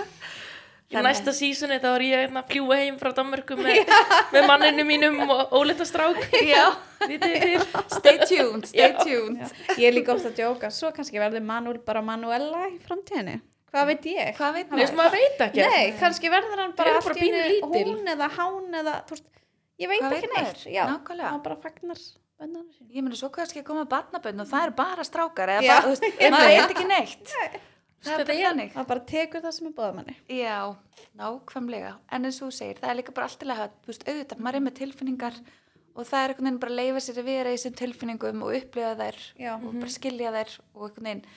Það er svo mikið sem ég er einmitt að vinna með er, þú veist, æ, þú veist, að sína sjálfur sér þessi samkend. Já. Já, þú veist, vera góð og við sjálfa sig Já. og þú veist, einhvern veginn bara svona að róa sjálfa sig Já. maður er alltaf manns eigin versti gaggrinandi. nákvæmlega, Og algjörlega verstu óvinni bara mæk. Já. ef maður myndi tala svona við vinkunum sína stundum eins og maður tala við sjálfa sig Einmitt. þá ættir ekki neina vinkun Nei. nei. Nei, Ég ætti bara engan að. Nei, þú værir Það- svolítið eini þínu hóðni sko. en svo ef maður heyrir vinkonu sína segja eitthvað slæmt um sig, þá verður maður bara reyður, maður bara af hverju þetta segja þetta um mig? Já, Bara þetta er ekki rétt, bara hættu. ef þú sæir sjálfa þig með því, mínum augum bla Já, bla bla þú en svo er maður við sjálfan sig bara, æjum, vá, hvað ertu eitthvað miklu í dag eða eitthvað, þú Já. veist, akkurat, þú getur ekkert rétt. Já, já. nákvæmlega típisk þú að gera þetta svona Einmitt. ha, Ki- þú veist, Klikkar þetta er- ekki. Nei, en það er ennblega málið, þú veist, að það er, eins og ég er að vinna svo mikið með, það er að þjálfa þetta. Það er hægt að, þú veist, bara einhvern veginn með hugafærnu og bara einhvern veginn að, að hérna, nota svona þessar jákvæðu staðhæfingar sem eru bara svona ákveðnar möndrur. Já. Maður getur náða að snúa þessu við og farið að tala fallega til sjálfsins. Og það er bara ótrúlega skemmtileg vinna. Já, já. En Það líka tekur alveg- tíma. Já, tekur tíma. Já. Erfið vinna. Það gerir það sko. Ég var með eitt svona lít, litla heimaðun í einum pottufæðættinum okkar að horfa á sjálfan sig í speklinum Mm. og gefa sér eitt hrós á dag. Já, Já. Ég er strax múin að brjóta, það, sko, ég fór ekki eftir því sjálf, ég veikum það alveg. einmitt. En það er En samt samt. ágætis regla. Já. Þarna hefði markþjálfurinn verið góð. Einmitt, þarna ef ég hefði getað Gera sér staðið við markmið eitthvað mínu og markmið. staðið við Sko, þau. ég álaust morgun klukkan tvö. Já, ég mæti. Ég er nefnilega sko, ég er með eitt ármótaheit og markmið fyrir árið Já, sem ég er ekki ennþá búin að brjóta. Hvaða? Og þetta er ekki ad, en ég ætla að borða Dominos alla þriðu daga árinu. já. Veistu hvað áramantæti mitt var í fyrra? Hvað? Panta ekki eina Dominus pizza á árinu í Nei, fyrra. ég ákvað bara, mér langaði að prófa að setja markmið. Já. Þetta er bara markmið sem ég veit að ég get. Ég ákvað bara að byrja auðvitað. Minnst það mjög gott að markmið. borða Dominos pizza Alltaf þriðudaga, þriðudagstilbúð. já, sta, já, en ekki aðra dag Bara þriðutum. Nei, Just, ég fæ mér alveg tvisar í viku eða Já, eitthvað. En ég- þú veist, þriðudagarinn er mestið, sko. já, Ég mér þess að fór í mat til pappa síðast að þriðudag. Og ég fekk að velja hverju matinn. Ég bara, já, þess að ekki bara Dominos. Hann bara gekkja til. já, Mm Markmiðið Jæja. náð. Já, Hmm. algjörlega. já, ég- Mér finnst það gott að vera með markmið sem þú nærða, þú veist, uppfylla. þetta er bara Já. skrýttast af markmið samt. Nei, ég er að segja þér að þetta er svona sjálfseflandi að ná markmiðunum sínum. Það er það. og þá má maður ekki setja sér óraunhæf og erfið markmið það Nákvæmlega. verður bara að byrja hægt má ég hlæja en þú mátt hlæja ég en þekki ég hana er svo samt vel Þú ert efni í góðan markþjálf. já, Hmm. nei þú veist bara, Bara- ég með þetta, ég með þetta lás Já, algjörlega. I cracked the code Þú getur notað skrifstofunum mína. það er bara, ef ykkur vil koma til mér, hýtt mér upp. Ég velja hann að segja treði í urðartinu. já, Algjörlega. já, já Ég var einmitt setti mitt, reyndar ekki svona, en Já. ég ákvað að, hérna, einhvern veginn að, svolítið svona, að rækta sjálfa mig og ná tenginguna við sjálfa mig. Mhm. Æ, veit þið, maður segir þetta oft, og hvað ert að gera til þess að ná þessari tengingu Ég er bara ótrúlega einhvern veginn að einmitt að, þú veist, taka þessa bara, þú veist, einmitt að leifa mér bara að vera og upplifa, þú veist, þessar tilfinningar sem maður er, maður er alltaf bara tilfinningabúnd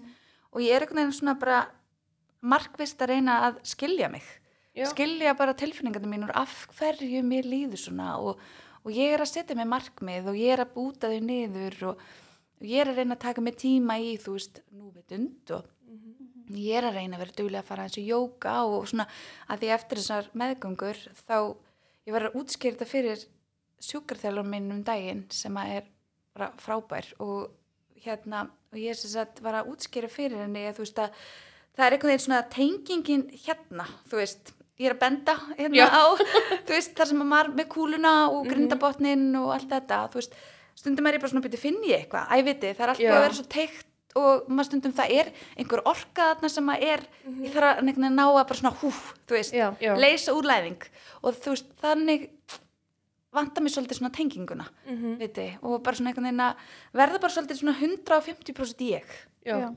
og það er, maður gleymir svolítið sjálfum sér eftir þessa meðgangur og Mhm. að vera heima með börn Já. og maður er bara, þetta verður svolítið svona færibandavinna sem og er, maður er líka bara automatist komin í síðasta sæti já, alltaf. eðlilega Já, algjörlega og maður einhvern veginn bara svona gleymir svolítið bara svona og maður er bara autopilot hversu Já. oft er maður búin að fá sér hann að blessa kaffibólla og hann er bara kaldur í fymtaskipti einmitt þú veist, maður einhvern veginn næri ekki og það er bara eðlilegt og það Mhm. er bara tímabil en ég er einmitt núna bara svona nú er hann yngsti orðin tekja hálsás og nú er tími svolítið fyrir hann er komin í leikskóla, mm Mhm. hún er komin í leikskóla, komin í skóla og ég er einhvern veginn bara svona meðvita að finna svolítið bara svona ok, hei, hver er, hver er yrja? Já, þú veist Þannig, að- og það er ótrúlega skemmtileg vinna Mhm. það var skemmtilegast að vinna og langskemmtilegast vinna og mikilvægast vinnan Já, af því ef þú ert ekki 150% eða 100% af því að þú veist, ég er að upplifa svo mikið sérstaklega með elstu hún er að læra svo mikið af mér Já. og hún er að tala eins og ég og um daginn þá löðist upp í rúma því ég er náttúrulega svo mikið einhvern veginn í tilfinningunum og tala um tilfinningar og svona já, og það var svo krútlegt að hún baði mig um að tala um tilfinningar þú veist, hún sagði bara mamma, getum við aðeins tala um tilfinningar og mér aðeins eitthvað svo, vá, heyrðu Já, þú tjóra, já, e, þú veist, það er geggjað þegar maður Já. nær einhvern veginn sjálfsvinnan mín skili sér til hennar já, þannig að þú Og veist, þetta er bara normið fyrir hana. Bara tala Já. um tilfinningar sem að bara Algjörlega. allir er að gera. algjörlega og þú veist, Já, svo er maður einhvern veginn að og Hún móta. að skilja líka sína tilfinningar því Já. hún er með, oh my, hún er hún með, er með svo tilfinningar. margar Halló. því þekki þetta með ykkar stelpur ó já þú veist, og bara, þetta verður bara meira og meira um hverju árinu Mhm. og maður er upplega, hún er að segja kannski þú veist, sem áður fyrir kannski var æ, mér illt í maganum núna er hún farin að segja, mamma, ég er með smá kvíðan út í maganum Já, já, þú veist, hún er farin að geta sett bara, hann er hér getum við að tala um hann og getum við reynd að gera öndunaræfingu og eitthvað svona Já. og þú hugsa maður, þú veist, þetta er kynslan þetta er hennar kynsluð Mhm. og hún er svona, hvað mun hún veita sínum börnum? Já. já. Þetta verður alltaf bara betra og betra einmitt við erum bara að bæta heiminn Já. Þannig að þú veist- þetta er magn- Já, Já. og þú veist, þegar maður fer að líta á þetta svona sem bara, þetta er bara mín ábyrgð að koma þessu til skila, til barnana minna þá er maður bara að gera, þetta er bara besta Já. vinnan. Já, ég finn bara eins og stelpa mín bara einmitt líka tilfinningabúnd Já, og hún horfði á mig um daginn og ég ég passa mig alltaf að ég kommenta ekkert á útliti mitt eða neitt fyrir framan hana Akkurat, ég einmitt. bara, þú veist, ef ég er eitthvað óana með sjálf á mig þá held ég bara fyrir sjálf á mig já, en hún er eitthvað að horfa í speilin og segja við mig bara, oh, mamma, ég er svo feit Mhm. brauti mig hjarta ég já, bara, einmitt. hvar heyrði hún þetta? Mhm. ég var bara alma von, þú ert ekki feit hún var ekki, jú, sjáðu hérna byrja eitthvað svona kristos í magan Já, þú ert bara með rosa fallegan maga akkurat, bara sem geymur öll líffarið þín og algjörlega. maturinn fyrir í gegnum og Mhm. ég var bara pyrruð, þetta bara brauti mér Já, hjarta það gerir það, þú veist, þær eru ekki verið að spá í þessu. Eng, hún er sex ára Já, einmitt. En þetta er bara eitthvað sem kannski kemur bara frá, maður veit ekki hvaðan þetta kemur, en börnin læra það sem, fyrir þeim er haft, Fyrir þeim er haft. Já, þannig að hérna, þetta er ótrúlega sorglegt, þetta er það virkilega. Þannig ég er mitt bara að pæla svona hvernig hvernig æfingar maður getur gert þú veist, með sjálfsýmynd eða líkamsýmynd eða ég, þarna var ég bara, þetta var svona kvöldhuska í andliti ég bara ok, ég er búin að vera að passa mig að vera ekki að kommenta á útlitið mitt fyrir framnana Mhm. en það er greinilega ekki nóg, þú veist, Nei. það þarf eitthvað meira hún alltaf er í skóla og þar eru þú Já, veist, aðra stelpur eða þú veist, börn með mömmur sem gera það þú veist, Já. þannig að maður þarf svolítið auðvitað að passa sig það er bara þannig en þetta einmitt brýtur í manni Já. hjarta þegar við tala svona ég fæ bara ó, ég ég bara svolítið eðilega skapið sjálfur mér við að, Já. að hugsa með Æ, það heyrðu, tölum um jákvætt, jákvæð sjálfræði Þau eru við þriðju fæðingu. Já, algjörlega, algjörlega. En það er bara eitthvað svo geggjað og það er bara þegar maður, þú veist, einmitt, fer í eitthvað svona frábært nám eins og jákaða sálfræðin, Mhm, að það er bara svo, þú veist, að nota það bæði í vinnu og bara í, þú veist, uppeldi og Já. bara í öllu, bara persónulegum vexti og öllu þessu. Mhm. Þannig að ég, ég mæli með. já, Þannig að, hérna, og það Er er, svo, þetta bara diplóm? já, þetta er sem sagt eitt ár, þetta er diplomanám. Hvað, hvað getur maður gert við? Er þetta bara að reyna að auka? Já, þetta er Já. bara, þú veist, já, þetta er bara á meistrastíi. Já. Mhm. og svo er í bóði að þú veist, það eru nokkri sem fóru og letu meta sinni í Háskóla Íslands og eru ein vinkun mín, hún er í uppelds og mettunafræði master Mhm. með áherslu á jákvætt, jákvæða sálfræði í uppeldi mhm, það er mjög spennandi og svo eru nokkra sem fóru í hérna, Bucks University og tóku, er að taka þar master og bæta bara þá sm- við sig Mhm. held að sé, mér minnir að sé eitt ári viðbútt mastersreikir og eitthvað þannig að hérna, en mér fannst bara að því ég var búið með markþjáluna og mér fannst bara svo frábær viðbútt að vera að markþjálfa með jákvæða salfræ já, þetta helst svo vel í hendur og það er náttúrulega til positive s- hérna, þú veist, psychology coaching Mhm. þannig að þetta er í raun og veru bara það sem ég er að nota í minni vinnu og það er náttúrulega bara einblinn rá einmitt, þú veist, þú veist veljan, hugafar, styrkleika og allt svoleiðis Já. en hvernig er svona eins og með markþjálfun Mhm. er sniðugt að fara með börn í þannig Já, sko, mín upplöfun er svo, það er hægt að, hérna, bara svona svolítið öðruvísi. já, Ég var að, þú veist, nota það svolítið í vinnunum minni með miðstig. Já. Og, en maður fann alveg stundum að maður var að markþjálfa og svo hoppaði maður í svolítið náttúrulega bara, þú veist, ráðgjöfn. já, En það er alveg hægt og þú veist, náttúrulega, markþjálf náttúrulega snýst bara um að aðstöða aðra við að finna bara svona þekkja sjálfan sig Mhm. og það er náttúrulega bara alls konar spurningar, kröftuga spurningar og bara svona leifa einstaklingum svolítið að finna út sín svör. já Og það er alveg hægt með börn Mhm. og það er alveg hægt með úlinga og þetta er bara útrúlega frábært verkveri. já, að ég geti bara hugsa mér að það myndi hjálpa svo mikið bara upp á sjálfsöryggi barna Algjörlega. sérstaklega í eins og tímum sem við lifum í núna Já, bara með samfélagsmiðla og algjörlega. Allt á að gerast núna. já, og Einmitt. þetta er bara svo Það er hratt bara- samfélag sem við búum Já. í Já, og ég er að sjá það bara eins og með dóttu mína og bara ups, marga aðra bara vini hennar og annað Mhm. með þessi börn bara oft skorta sjálfsöryggi og, já, og eru einmitt. bara óörug og bara svona veit ekki alveg veit ekki alveg hvert þau eru að fara eða hvað þau eru að gera eða hvernig þeim líður einu sinni Algjörlega og það vantar svo oft trú og einn getu já, og þau eru upplefa bara einmitt þetta stress já, og hérna og það virkar rosalega vel börn og og bara úlingar eru rosalega móttekir fyrir til dæmis eins og núvitundræfingum já og það er ótrúlegt bara þú veist, þau lifa sér svo inni í til dæmis þessar núvitundar sögur og, einhvern veginn, og þau, þetta verður allt svo ljóslifandi fyrir þeim og þau einhvern veginn, það, ge- það gerist eitthvað frábært þau eru Þannig náttúrulega að- svo ótrúlega virt ímyndunarafl gjörsamlega, gjörsamlega þannig að þetta er frábær aðferð fyrir, fyrir börn og hérna og mér finnst einhvern veginn það er bara ótrúlega bara einhvern veginn frábært þegar fólk kannski notar þetta svolítið í Já. samskiptum já, að vera ekki alltaf að gefa fólki svörin og vera alltaf, að, herri, mér finnst þú er að gera þetta svona mm -hmm. staðin fyrir bara að leifa fólki svolítið svona að vera í Já. rýminu, finna svolítið svona herri, ég er að fá smá breyk til þess að finna út bara mín svör Mhm. og bara hvað, hver ég er þannig að hérna og svo náttúrulega líka bara, þú veist, snýst þetta náttúrulega svo mikið um styrkleika líka Já. Mhm. að finna styrkleikan sína og nýta þá að því að við erum, það er engin eins og það er ekki hægt að segja að þú sért með þennan styrkleika og líka þú, þú veist, emitt og það er sem að ég er búin að vera að nota svo mikið bæði með bönnum og svo einmitt mömmónum já, að því að við náttúrulega erum svo mikið oft, þú veist, maður er með Instagram og maður er að skrolla og svo er Mhm. maður hann með einhvern, einhverja flotta flotta stelpu sem er, þú veist, kannski áhrifavaldur og er bara, þú veist, með skipulagi á hreinu og þú veist, og það er mataplan fyrir vikuna og það Já. er allt bara tipptopp sem er bara frábært og svo hugsa maður bara sjálfur, bara, óferði, ég er ekki með þetta Nei, ég er bara að eigða já. mínum tíma í að Já. skoða þetta hjá henni í staðan að geta sjálf algjörlega Svo horfi ég á þvottin hana til Já. hliðar og uppvaskið og ég hérna veina, Já, þú ert bara með bara Já. raðað hérna alveg, þú veist, bara, þú veist, eftir litum, bara Já. nánast. Ískap, já. Algjörlega.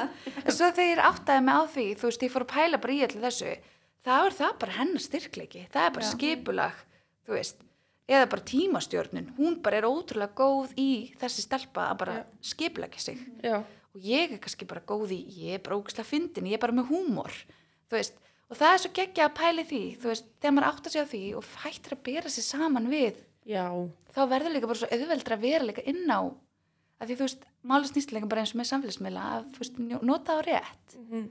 þannig að hérna og þetta er það sem ég um fór að upplifa þú veist, að maður bara, úf, herðu, bera svo svolítið saman við já, en svo þegar maður fór að pæla í þessu frá hinni hliðinni þá bara, herðu, já, ég er bara með fullt annað sem að, sem okkur annar er ekki með. já, Svo líka bara allir í mismöndu aðstæðum. Þú algjörlega veist, ég þarf bara að setja, þú veist, gera það sem henda fyrir mínu lífi. Svo Algjörlega. kannski er hún einmitt, eitthvað allt annað Með í eitthvað sínu allt lífi. annað. Já, já.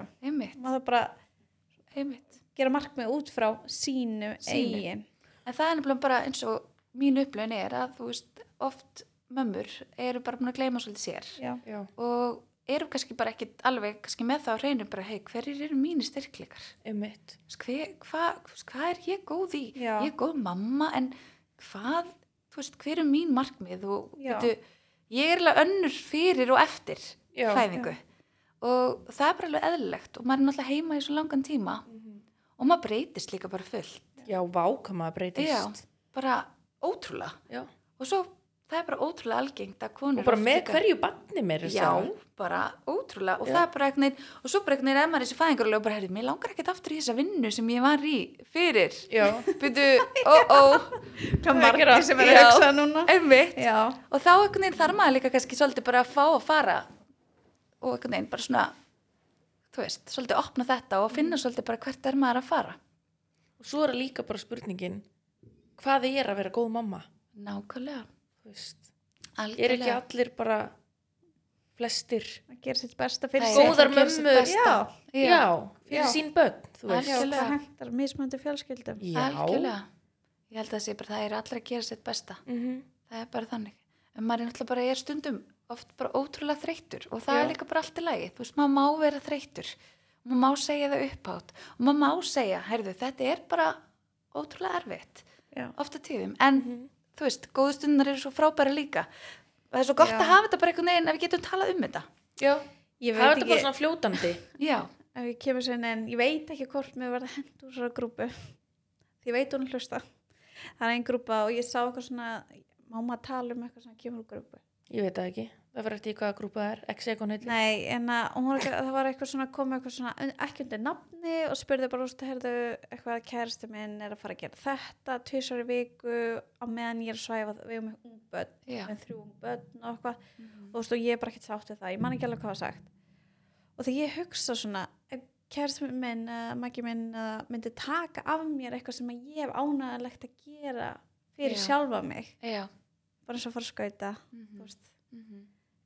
eða eitthvað, að fara rektina og eitthvað já, hvað maður verður svona að tala saman um þú veist, hvað skiptir máli í lífinu manns og hvað, Akkurat. hvað gerir mig að mig þótt að við séum saman, það Mhm. eru ekki sama manneskjan akkurat Mhm. Mm. algjörlega, og svona maður getur ekki sagt nei við maka sinna að fara eitthvað gera þetta fyrir ekki bara að koma að eitthvað samkommunlegi tvisar viku er ekki mikið af því að maður- einmitt það er allir sínir eigin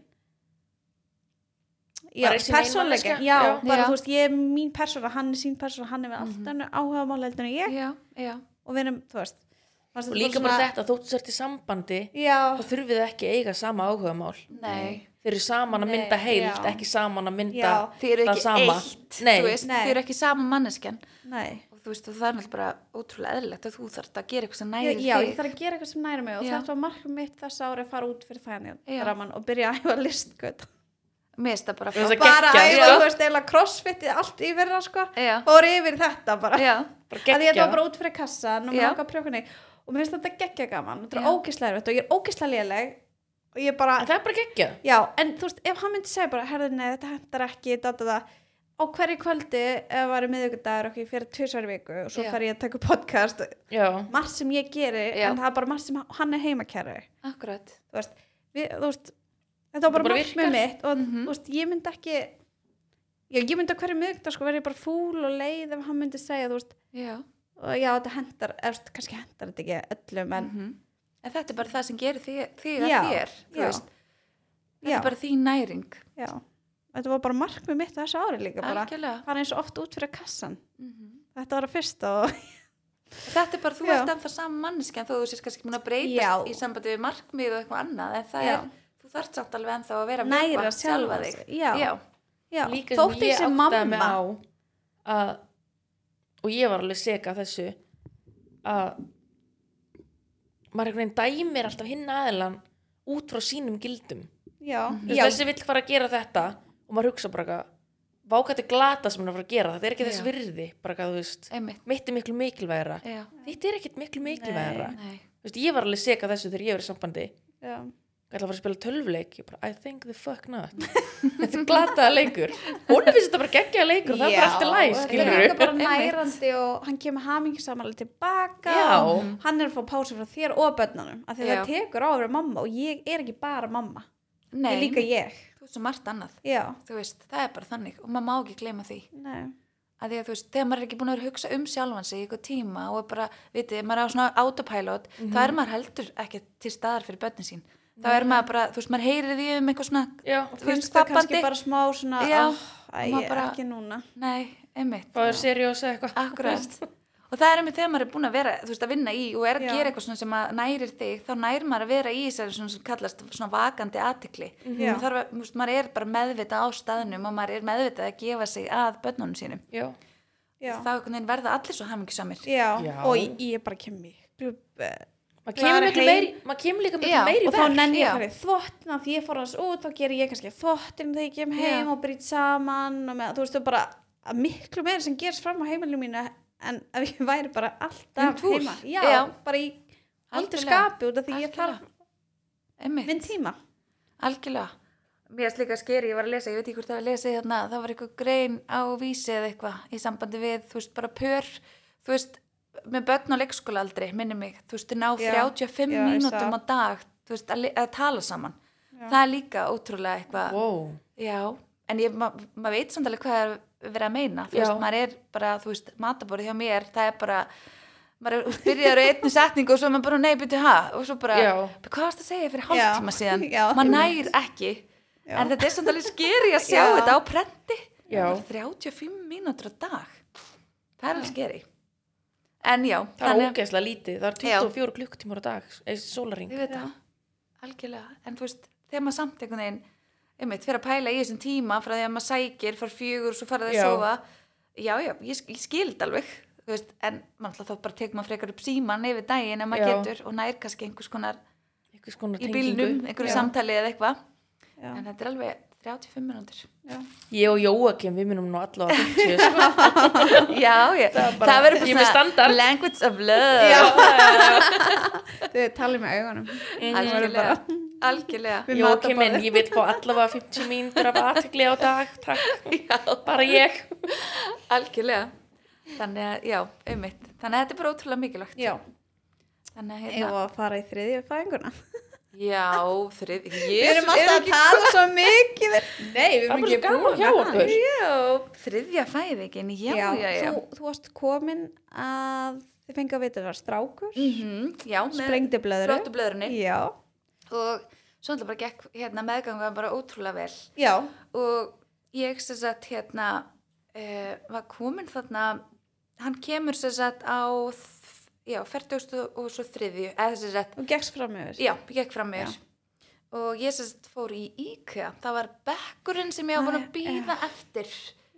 ég fekk sms um að hann væri komin og ég fór þarna kas og lit og fyrir og ætla að sækja hennar bekk og þá var hann seldur og ég var að þetta líka fúl að hafa sendt mér þetta sms fyrir klukkutíma og hann var bara búinn máttur ekki ringja og kaupa Nei, nei, ég man ekki eins og hvort ég hef reynda en Nei, ég ætlaði þú að bara fór ætlaðir bara, ég bara ætlaði bara að ná beint. Já. honum og ég var alveg svona, ég veit ekki hvort þetta hefur komið mér að staði, ég var alveg þú veist, eða svona, bara íkja þetta er Já, svo stórt já, já. þetta er svo Ramma labba þetta. marður bara já, komið mér bara að stað en ég nefnilega er alltaf komin sko, það er svolítið fyndi, ég er alltaf komin með úst, alveg tvo eða þrjá eða fjóra í útvikun Já. já, bara, f- sko, þú veist, maður getur verið með þetta í langan tíma tíma án þess að finna það já. nefnilega, ótrúlega Þetta er skrítið sko- meðan sumir bara fara í fjóra þá eru þau bara í bara full on hríðar Já, En Já. hún sagði við mig, ljósan, eða ljósmóðurinn, hún sagði hérna, þetta er oft með fjölbyrjur, ef þú Mhm. veist, að þær fara yfir þetta fyrsta feys fæðingar nokkur dögum áður bara svona hægt og rólega já. og það verður svona auðveldur einhvern veginn fyrir þær. Mm Ég veit ekki, ég er svona Ég held greinlega að þetta sé eitthvað með vöðaminni eða eitthvað að gera. Þetta Já. er bara svona, Já, Já, Án þess að vita. já. Hvað Þetta er svona teygjanlegra blóms- já, þetta er Já. svona, Já, maður ég, er svo ef að fólk getur sér reyningarnar sem við erum alltaf með. búa til eitthvað svona mjúk reyfing Já, En ég sem sagt, já, ég kem hann heim og ég man bara eftir, ég, þú veist að ég var ekki finn, fann að finna neitt, þú veist, ég kom, sko, ég kom heim hann klukkan átta um kvöldi, hálf Já. nýju eða eitthvað, en ég man eftir, ég lagðist bara svona niður og ég svona ótrúlega þreytt hann í sófanum, svo vaknaði ég kannski hálf tíu og kæristu minn var með brjósikur uppi og hann pö- böggaði mig svo geðveitt, hann smjattaði svo á þessu, hann hefur örugglega ekkert verið að smjatta, en þetta svona magnaðist upp, Já. við þið, og ég bara vildi hætta þessu já, og hann bara, byrju, ó, byrju, ég er eitthvað að matla þarna hjá þér og ég eitthvað, já, ég kom með eitthvað svona smá seyfing og stelpunar voru farin að sofa og hérna og það var eitthvað svona hálf klikkun í gangi ég bara, heyrðu, það er allt í rústin í þóttahúsi ég ætla að fara aðeins hann inn já. og gera reddi fyrir leikskólan á morgun eða þú veist, maður fer í eitthvað svona Já. eitthvað mót og ég fór og gerði reddi eitthvað svona fyrir stelpunar og þá bara svona fann að það fór að svona gerast meira og meira og ég ringi mömmu og því mamma ætlaði að koma og passa stelpunar og hérna, ég man ekki hvað klukkan var og ég var úrslega róleg en samt kom með verki og klukkan er örugglega verið jú, svona kannski hálf tíu og ég er svona, mamma, það er komin smá verkir hérna um, það er kannski sniðut að þú komum bara fljótlega eftir kvöldvakt, þú veist, hún var búin hálf tólf Já, og mamma eitthvað svona já svo skellur hún á og hún bara eitthvað byrju, nei hún er svo fljót alltaf að Já. þessu, ég ætla Já. ekki að hlusta á hana já, ég ætla bara að fá að fara núna og bara, þú veist, bruna upp yfir og sem betur fyrir gerðuna vegna þess að þegar hún kemur þá er ég sérst búin að fara inn á klósett og ég var búin með mína hreinsun já, þú veist, já. það greinlega bara gerðist, ég Já. gerð það sjálf og þarna var ég orðin bara svona, ég gæti ekki lengur staðið já. og mamma kemur þarna um, hvort hún hafa komið bara kannski hálfvellið eða eitthvað, minni Já. mig og þá fyrir við bara beint upp á deild og þá var ég komið líka með nýju útökun já. og þá bara, einmitt, var hann bara fyrir að koma en þá var bara látið renni í bað og ég ætlaði að fyrsta skipti að prófa þetta Já. blessaða bað Já. sem ég var búin að heyra rosalega Já. gott um en ég gat ekki lift sko fæti af því að Nei. þú veist, þetta var einhvern veginn í minningunni var þetta eitthvað svona lapp upp eitthvað Þetta er svona stígi Já. sko. Þetta einhvern veginn sem þú er ferð svo til að fara risa ofan í. hei- heita Jú. punktur nefnilega. Já, Já. Þú veist, ég var að spói hvort þetta hefði verið einhvern veginn minningin Þetta er hefði gert þetta stærra Nei, þetta er ekkert bað sem að bara svona vippa sér onni. Nei. Maður þarf að fara í stiga Já. og skríða ofan Já, svo í er þetta. þetta ókslega djúft. Já, ok, þannig að þetta er rétt minning Já, já, já. af Því ég mani til að hugsa að þetta er bara eins og eitthvað páralegt bara fjall. jacuzzi. Já. Þannig að ég, bara, ég er ekki að fara að nófan í Já. Erfitt að fara ofan í. Það var bara ekki erfitt, Já. Mhm. þetta var svo ógæðislegir verkir Þetta var bara, þú veist, já, þetta var svakalegt Og hún einmitt blessaða brúnin þarna var Já. þarna á hjaltanum Mhm.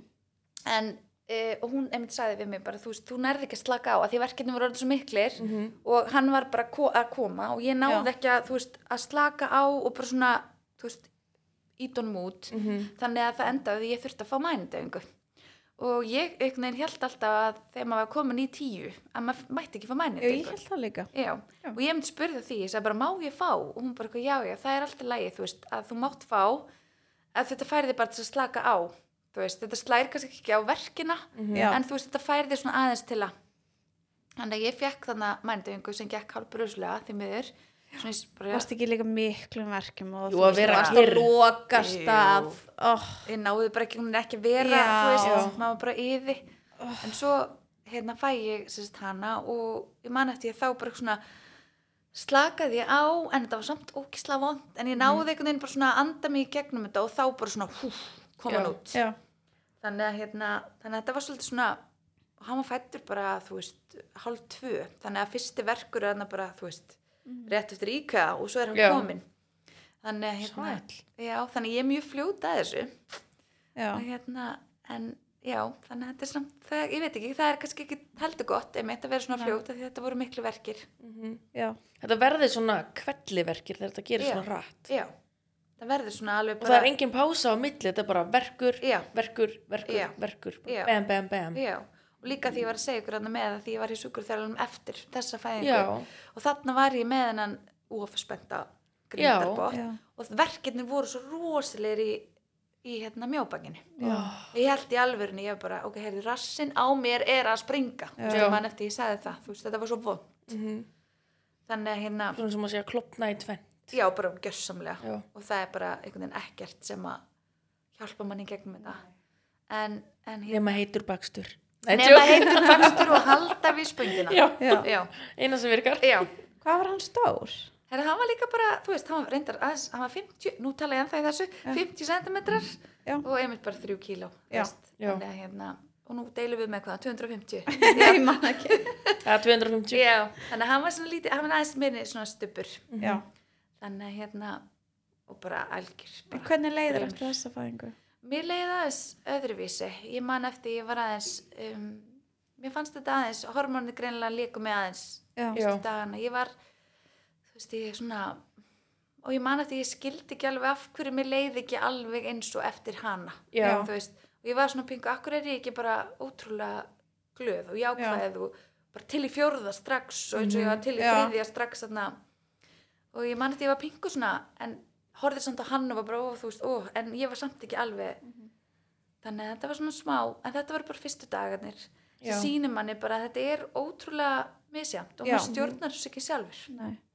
En var, fannst þér hann fljótur að þingja, þingjast með við stelpunar? já, Mér fannst, þú veist, Já. strákurinn var bara eitthvað next level. já. Þetta er hann líka bara fættist Já, hann svangur fættist svo þryggja stór, mánu. en já, mér fannst hann bara svo miklu svangari. já algjörlega, þetta er bara algjör svelgur og hann bara einhvern veginn Var strákur þinn líka? já, Já. algjör svona einhvern veginn og verð bara strax úslega gauralegur Já. og svona bolti og Já. einhvern veginn þannig að hérna, En hvernig- alveg ógislega krútlegt Hvernig var að vera með allir innu þrjú? Á fimm árum? já, Og lífið breytist svona?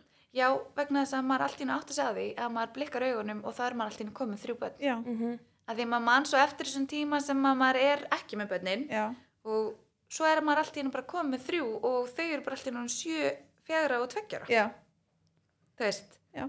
en maður eldist ekki neitt sjálfur en svo horfum bara á þau og maður ljóku þýður að eldast ég hlýt að vera eitthvað að þess Já. að, þú veist en, en mér finnst þetta bara eitthvað svona eins og ég segi, ég er alveg til í fjörða sko Já. Já. alveg til í Já, þetta já. en svo En segist svo nennir ekki að vera alltaf þessu. Eða þú veist, alltaf Nei, með unga börn, þannig þurftir Nei. að fara þá. það þyrfti að fara að gerast fljótlega eftir brúðkaup Já. Já. saman hvernig það Kannski verður Eða brúðkaup Kannski, já, einmitt, þá getur þú komið og sagt okkur hvernig það var getið. já, ég- ég- já, ég skal gera það á hvað hótel það var í kvíðinu Já, Já. ég er svo opinn, ámar ekki líka að vera opinn í svona, þú veist, ámar ekki bara að segja þetta eins og þetta er jú, Ha? 100%. Er það ekki, Það er enginn fyrirleikur hér. nei, nákvæmlega og það er einmitt, þú veist, hérna sem að ég einmitt uppleiði, þú veist, eins og með eftir fyrsta bara, þegar maður fór að tala um það sem að var í gangi hjá mér Mhm. og fór að segja bara, já, ég var greind með þetta og eitthvað svona, og þá voru kannski vinkunum mínar sem að voru alltaf kannski búin að segja, já, þú veist, það er bara allt er bara bara í hjá mér og eitthvað ýmislegt, svona. Já. þá fór að koma kannski, já, ég reyndar ég reyndar er með þetta og ég reyndar, Já. já, Já. ég fann fyrir þessu og eitthvað, Þetta er bara svo líka gillina. já, Það Já. er þó bara eitthvað voða tabú sem að er það ekki það. Veistu hvað, það fá Já. nánast.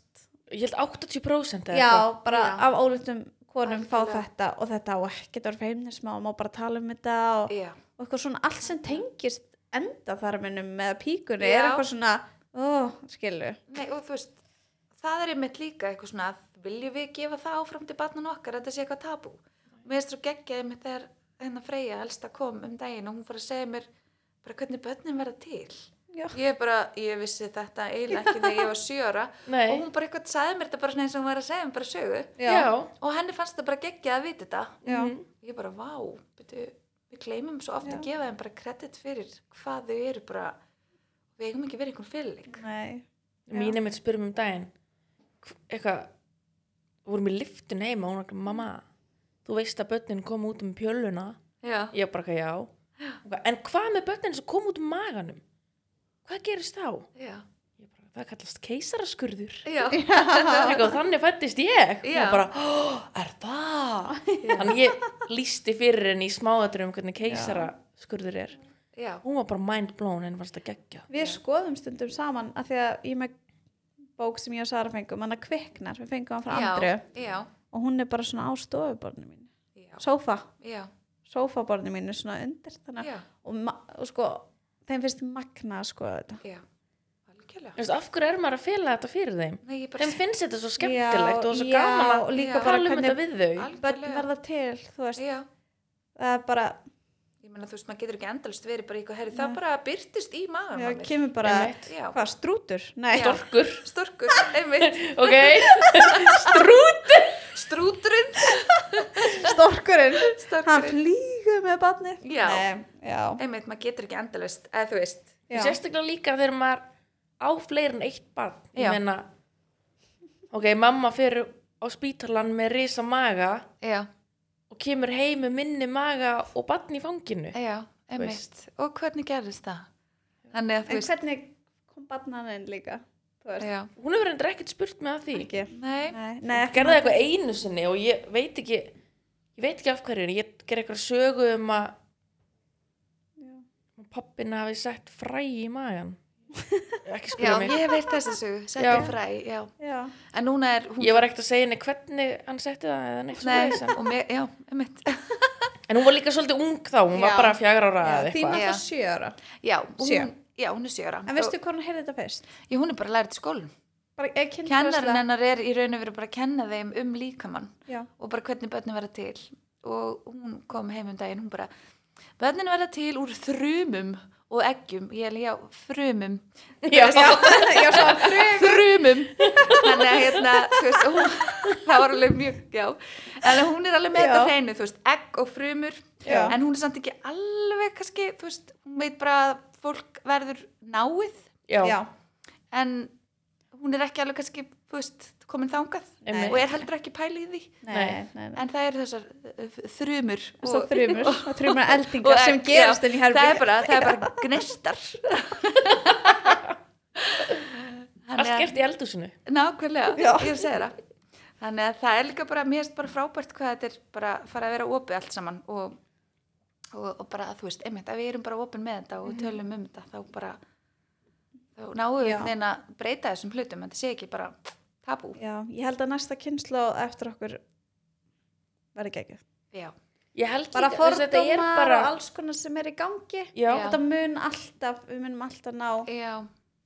Svo bara að ná betra og betra. ég held sé líka bara svolítið undir okkur fóreldrum komið Mhm. og eins og ég kem af heimili þar sem ekkert er tabú, það er allt rætt ótrúlega opinskátt Já, og þannig tala ég við mínar stelpur akkurat.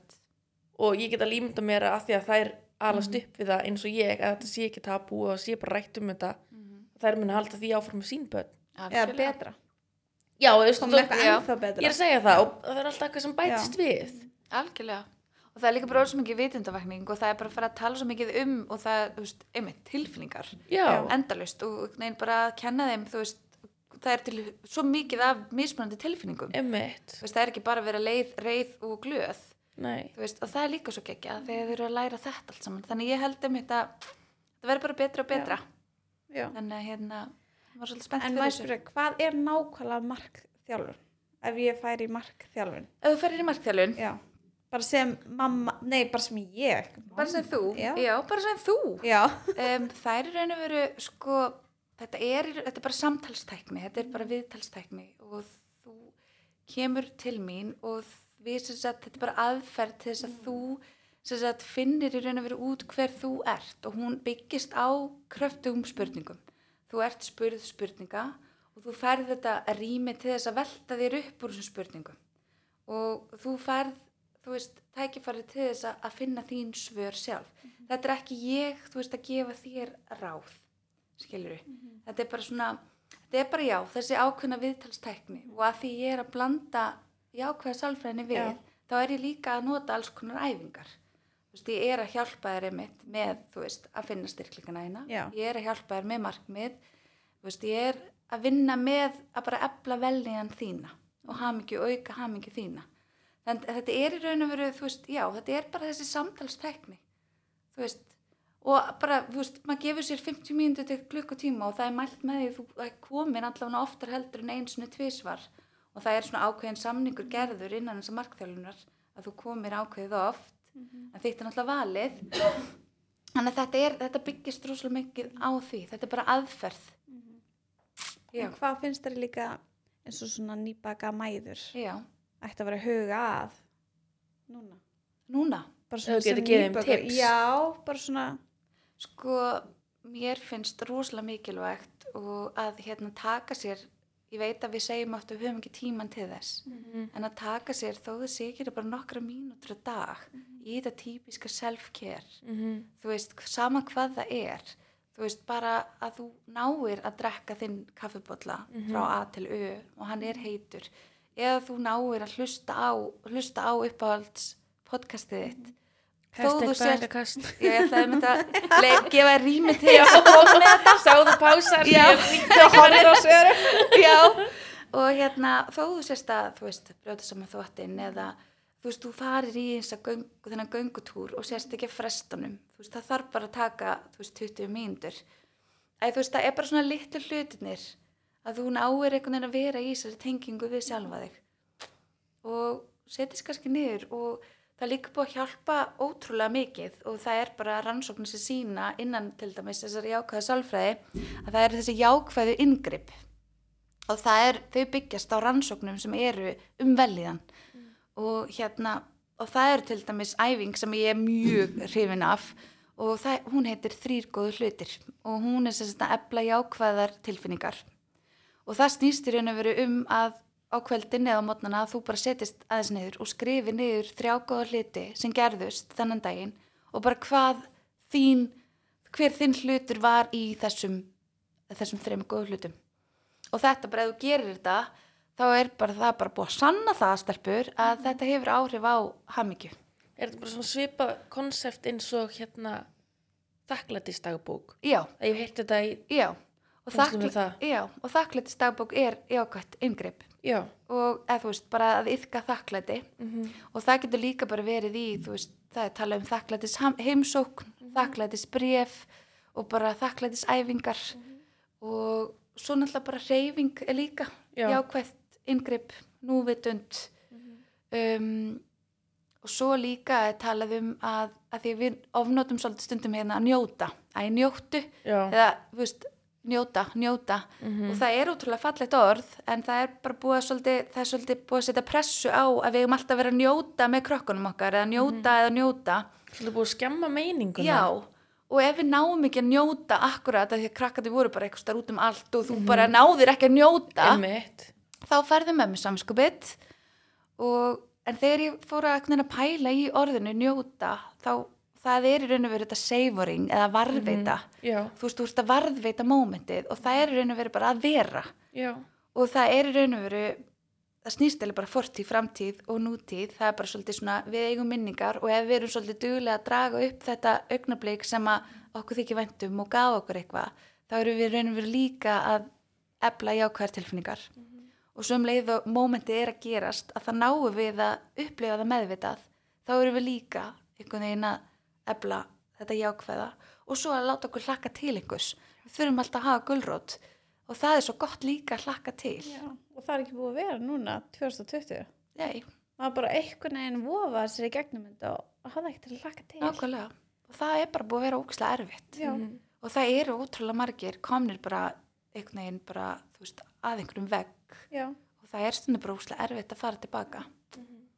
þannig að þú veist þetta eru bara svona litlar æfingar sem að þú veist, er hægt að gera einmitt eins og þessi þakklættis dagbók og bara skrifa þú veist, einhvern veginn gefa sér bara tíma þess að þú veist, upplifa bara daginn og að því að stundu kemur eitthvað fram sem maður bara svona, byrju, já, byrju, ok þú veist, mér leið svona í dag Mhm. og gefa okkur allavega tíman í þetta því þú veist, svo er kannski ef við erum heima með börnun út í vagni, þá kannski höfum við tíman til þess aðeins að pæla já þannig að hérna að Það því fyrir að að skoða TikTok. Já, einmitt, sem Svo ég gefur geri á mann ekki kvöldin. neitt. Nei, ger þú veist. ekki neitt. Bara allir tvei tímar. Já, Ég er bara eitt um nóttina en það er að Akkurat. skrolla. einmitt. Akkurat. Og ég er einhvern veginn búin að vera að pæla svo mikið í því, þú veist, og búin að gera í smá tíma foreldra kulnun, eða bara parental burnout, Já, sem er bara, fólk vissi í raun og vera ekki hvað var fyrir einhvern tíma. Það var bara, þú bara kulnun og vinnustað. Og Já. þegar ég bjóði út í Danmarku þá var alltaf að tala um að, að, hérna, að hætta í vinnu vegna stress. Og ég mani því að ég var að tala um það á Íslandi og fólk bara svona, hva- hvað, ha, hættan bara út af stressi Já. í vinnunni. Einmitt. En núna er þetta orðið bara svona, þetta er bara alvöru mál. Já. Já, Bara kulnun er bara alvöru mál. Og það er hægt að lenda í foreldra kulnun ef við pössum okkur ekki. Þannig að þú veist, og það er heldur ekkert grín. nei, einmitt. Þannig að, hérna, þannig að þetta er alveg svona eitthvað sem að brennur mikið að við náum að halda okkur, Mhm. þú veist, bara og lendum ekki í þessu. Já. Eða upp, upplifum ekki þessa fóreldra kulnun. Þannig Hvað er fóreldraköldun? Er það bara, ég er bara búin? að þú veist bara, að- meina bara eins og Já. við upplifir kulnun á vinnustaf, þú Já. ert bara komin að einhverjum enda bara Já. enda mörgum, þú getur bara ekki meir það er bara líkamlega einkenni og það er Já, bara, þú já, hefur já. ekkert að gefa þú veist, og þú ert ekki á staðnum þú veist, það eru bara líkamlega verkir það er bara, þú veist, það er bara alls konar Mhm. og það er bara þekkt að upplifa þetta Já. þannig að hérna, Vá. já og ég nefnilega var svo glöð að sjá, eða glöð þú veist, að ég sá, einmitt það var hérna, einhver sem var að skrifa, ég man ekki hver það var bara fyrir nokkru dögum skrifaði grein um fóreldarkölnun inn á vísi Mm. þannig að mér varst það mjög, þú veist svona, ok, það er greinilega eitthvað svona eye-opening Já, það Þú veist, er einhver fyrir- vakning. það er eitthvað vakning með þetta af því að þetta er, þú veist, af því að ég er náttúrulega auðvitað fókusa mikið á mömmur af því ég get, ég hef tengingu, ég veit Já. hvernig það er að vera mamma Já. og konur sem koma til mín það er bara, þú veist, ok, þú veist hvað ég er að tala um Já, einmitt. en pappar gleymast bara svo oft líka, Já. allt, Allt of oft. allt Já. og oft þeir eru líka bara að díla við þetta þú veist Já. En svo var Já. einmitt að koma grein í lifandi vísindi um, og það er alltaf að tala um hormónasveiflur hjá konum á meðgöngu. já, já, Karlmenn eða makar fara líka í gegnum hormonasöflur hormónasveiflur á meðgöngu. Netflix-þáttunum líka. algjörlega, já, Og hvernig starfsemi þeirra breynast Já. á meðgöngu. já Þetta er eitthvað sem ég hafði ekki um. Og hvaða, og hugmyndum. hvaða efni þeir fá líka í líka með sinna meðgöngu. Mhm. Já. Ég, nei, ég hérst Bara að þeir væri bara líffræðilegt. á, á kanti bara, bara get góðir. ég komið vart Já, fyrir þig já. þú Já, þú veist, veist, maður er svo já. upptekinn af sjálfum sér af því að maður sjálfur Já. eru óléttur. já, En ég minna lífið, Makin. lífið hjá makanum er að umbreytast líka. Já, og Rosalega. hann er að gangi, ekki hann, eða þú veist, makin, Makinn. já, er að gangi í gegnum alls konar Alls efnaskipti líka í líkamannum og Já. tilfinningar og Já. þeir með ekki, þeir, Þeir makarnir. já, þeir makanir með ekki glemast. algjörlega, Ein, algjörlega einmitt, það er bara svo geggjað einmitt að segja bara maki, það er Já. Já, já, það er bara einhvern veginn ég einmitt, sleppir að kynja, já, já, af því Svona að það, reyna. við erum bara alls konar Já. bara alls konar. Þannig að, en það er bara, þú veist einmitt, þú veist, og í mín tilfelli eins og minn kærasti, hann einmitt talaði um, þú veist, að hann var einhvern veginn, það kemur hann að lítið barn sem þarf bara á Já. mér að halda Já. og hann eitthvað svona, já, ég er orðin pappi Já. um, hvað get ég gert, Já. þú veist, og hann einmitt, viðkendi alveg að, þú veist, tilfinningarnar hans fóru alveg líka upp Já. og niður og hann í fyrsta skipti pappi og, þú veist, alveg að gangi í gegna nokkla svo sama líka ég. Makarnir taka sér oft stittra orlof, Já, þannig að þeir eru ekki að mynda einmitt. sömu tengingu með barninu. Akkurat, Já, Mhm. Þú veist, þeir eru ekki límt saman 24-7, einmitt. þannig að þeir Nákvæmlega. missa af svo miklu líka. Ég veit það. já, fá Sorglegt. ekki færi á, Já, emmitt. Svo er maður líka bara, þú veist, ég þekki það, Mhm. maður er bara komið barn í heiminn og maður er bara svolítið sjálfselskur á barni. Ég menna, þú veist, algjörlega, maður er nefnilega bara mamman. Já. Þú veist, og mann fyrsta er, barn þá meika ekki neitt myndi halda á henni, Nei. annað barn væri bara hver vill taka. Já, maður bara, Ég já, er svo vel. þrý. já, emmitt, langarlega. Þetta er rosa fyndi hvernig þetta breytist. Maður er alltaf með, já, þetta er þriðabattsyndrom. Já, Er vi, það þannig? við erum að vinna Já, við annar oh my. barnsyndrom, sko. Já, Já, það er, þetta var allt annað. þetta er allt sko. annars. Já, bara svo strönga fyrsta okkur með hann bara, þú veist, kókomjölk, gerðu svo vel. Gjör svo vel, bara, herru, Já. sýstu þínar er að Já, fá, annars- fá þig líka. já, já. Og endilega bara, sitt upp á borði á meðan þú drekkur þetta. Já, án gríns. án jokes. Já, Stelpa mín fór yngri í morgun í leikskólan, hún tússa ég var að far- flytja henni sófólt í gær hún kom sér túspenna Já, hún var út og krótaði lappir já, já, það var ekki nóg fyrir henni, hún krótaði allt andlitið sitt líka já. já. permanent markar, rauður Já, heyrðu það er gott að sé, þú veist, öskudagur, fljótlega. Já, hún er bara Thank redda God, því, sko, já. hún er bara nei, Tilbúin. nei, hún var böðið í klukkutíma og skrúpuð og skrúpuð í framann og það er ennþá strikið andlitin Já. á henni Já, það er svo má maður ekkert skrúpana eða svo maður má ekkert, Nei, nei, maður nei. má ekkert snerta sko. nei, nei. hún var Bara svo leifin fín að vera svona. Já, Já. Já, já, Ég já. líka mætti með henni í leikskólinu í morgun ég bara, st- sorry Já. já, þú veist, ég misti bara, þú veist, hashtag lífið skilur upp bara já, ég var ekki að fylgjast með í fimm mínúti nei, nákvæmlega, og það er líka bara, lífið er bara þannig, Já. þú veist, Tekur upphaldsfræði.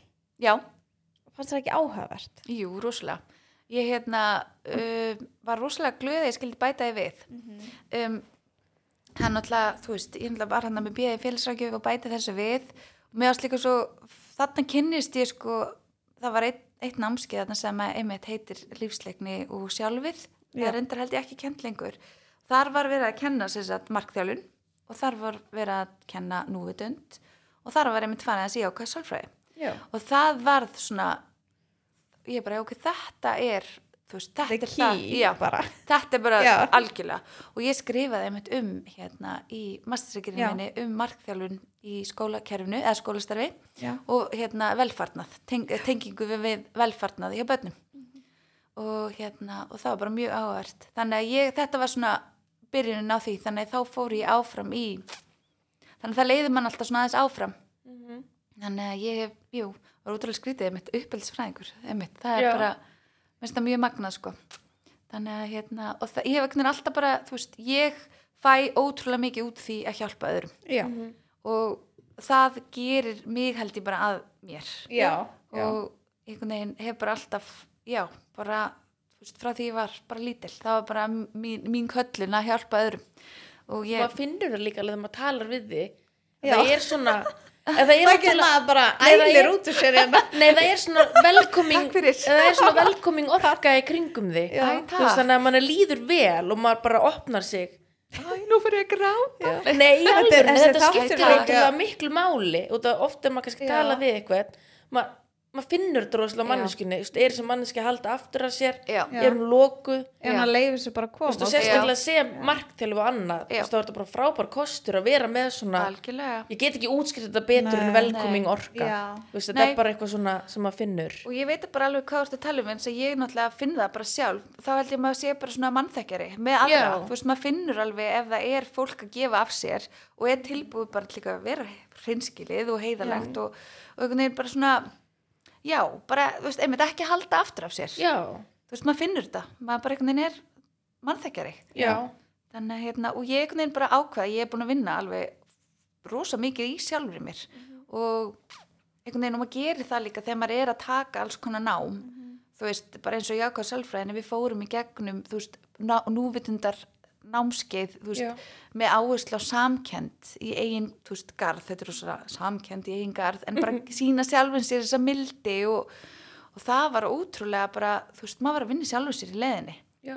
og ég held um leiðum að sé að vinna í sjálfum sér þá er maður kannski komin að þann stað að maður getur fara að gefa líka meira af sér Já. þú veist hérna Já. Já, algjörlega. þannig að ég held ekki neina að maður sé bara komin að þann stað að ég nú geti, nú er ég búin að vinna í mér nú get ég fara að gefa meira mér Já, þannig að hérna og, já, þannig að ég er allavega ótrúlega ánæð með mitt dafna og ég vona að konur komi til þess að dafna Já. Já. og, hérna, og ég fái að fylgjast með og hjálpa eða þú veist, aðstöða aðra við að, að blómstra og dafna í lífinu þannig að, að sama hvað hátt það er já. þannig að hérna já, Þetta er bara svo frábært starf sem þú ert Já. að gera. Ég má Nei, bara takk. öll störfin. Þú ert næstu í prestur, sko. Já, Líka, ég- onni þetta allt. kannski, sko, ég var á tímublik svona, Þetta er "Já, giftið sjálf.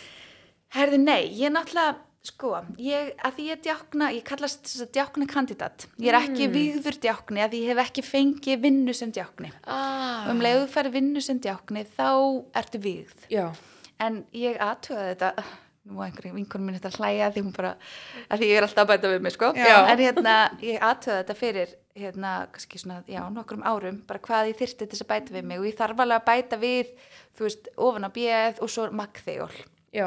en hver veit Já. en ég sem sagt er búin að skýra samt sem aður Nei. það, og ég hef skýrt tvísvar Var ekki Það- hæðislegt. það var sko þetta, þú veist, Lítið batnar Já. fór nafni sér. Já. Og þetta er svo fallegt. Þetta er svo dýrmætt. þetta er svo Já. dýrmætt þetta var hér sérst ég að tveimur vinkonum og ég, hérna þær báðum með maður að skýra börnin sín og það, ég þarf samt að hafa samt sem aður prest Já. við Já. hliðina á mér sem að þú veist skýrir barnið Mhm. en í bæðiskiptin var þetta vinkonu mín sem var með mér Já. og hún leiði mig bara algjörlega að gera allt já, bara gera þig ég gerði bara mitt og, og hérna og svo skýrðum barni og það er ótrúlega gefandi þannig að ég já, kannski því er hann 60 þá hendi ég mér í guðfræðildin Já, og bara já. nú klára ég þetta en- skýri batnabötni já, Já. einmitt, hver veit Það sko. verður þá hann ljósmaður örugglega.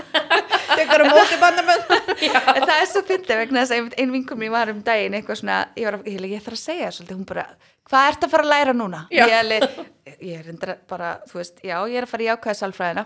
Hún bara, ó, ok, hérna, þú veist, ef þú færir að segja að þú væri að fara í lögfræði eða eitthvað. Og ég bara, Já. nei, það er aldrei að fara að gerast. Ég er alltaf bara, þú veist, það er- verður alltaf að vera þessu tengt. Já, þetta er alltaf sami rammin Já. Já. Og þess vegna er það svo geggja, maður er alltaf bara að bæta við sig. já. Hann er hérna, já, ég menn ég er allavega að skaffa, ég er að vinna, þá er Já. þetta allt í góðu. Já. já, já, já. Þannig að, en ég ætla einmitt að bæta einmitt líka við mig núna, Já. eh, bara svona, þá ætla ég að fara í framhaldsnámið, er að fara núna í framhaldsnámið í markþjálun og byrja núna í enda februar. Þannig Vá. að þá er ég allavega komið framhaldsnámið í því. En Þannig finnst þér ekkit svona erfitt að gera þetta með þrjú börn, heimili, rekstur og þú Um, ert að bæta við reksturi að þið varst að segja okkur frá hann. já, Finnst þér einmitt. bara, Nei, hvað sko, marga tíma hefur þú já, verið skipilöð? já, ég myndi ekki geta verið að fara í fyllnám. Þetta er náttúrulega bara, er, þetta er lota, þetta eru Já, okay. ok. þrjár helgar og þess Já, vegna er ég alveg ok, bara, ok. ok, ég er til í þetta, Já. en ég myndi ekki verið að fara í, þú veist, fyllnám núna. Það er bara, Nei. ég er búið með það í byli. Já. En þú nærðar hlýðra til Já. til þess að Já. sinna þessu Já. já, algjörlega Skæti að fara í burnout. já, og það er náttúrulega bara alls ekki það er bara, nei, þú veist, nú er Já. ég bara komin á þann stað, ég er bara, þú veist einmitt komin með hérna, þetta húsnæði og mitt, mitt fyrirtæki og einmitt eins og þú segir að, hérna, Já. að fara að Það eru góður tíma framöndan Já. já, bæta í þannig að hérna þannig að já, ég er bara svona það er bara svona námskeið hér og þar svona eins og þetta, bara, til að, bara ebla mig í vinnu Já. ég ebla mig í þessari vinnu Æðislegt að heyra. já, Já. Þetta er tvekja Já. tíma þrá- þáttur já, sem er bara æðislegt að því við vorum að tala um allt á milli heimins og ég Já, einmitt, ótrúlega skemmtilegt að koma Já. til ykkar. Ekkert Er smá. eitthvað að lokum? Nei, bara, þú veist, bara, einmitt, haldið þið bara áfram að taka, þú veist, þennan tíma fyrir ykkur af því að það skila sér. Já. Þú veist ekki nefnum bara Nákvæmlega. nokkra mínútur. Bara, já, græðum á Kemur því. þér að koma Já, takk Já, hella. Takk mér fyrst að gegja Já, við getum tala, ég gæti tala Já, alveg við svona getum fjóra hérna. verið- tími viðbótt, Já, sko. on jokes Já. Við getum gert bara heilt season Já. hérna á einu Já. kvöldi Ég er til í það, samstarf, samstarf, algjörlega, bara, þið veitir hver ég er, stelp mínar. Já. Já, ég er on jokes, ég ætla að kíkja Já. sko. Já, það verður úslega gaman að fá ykkur, bara endilega, verið velkomnar. Ég ætla, mitt mótt er að vera með gott kaffi. Ok, ekki. Bara þanga til næst. Þangað til næst Takk fyrir.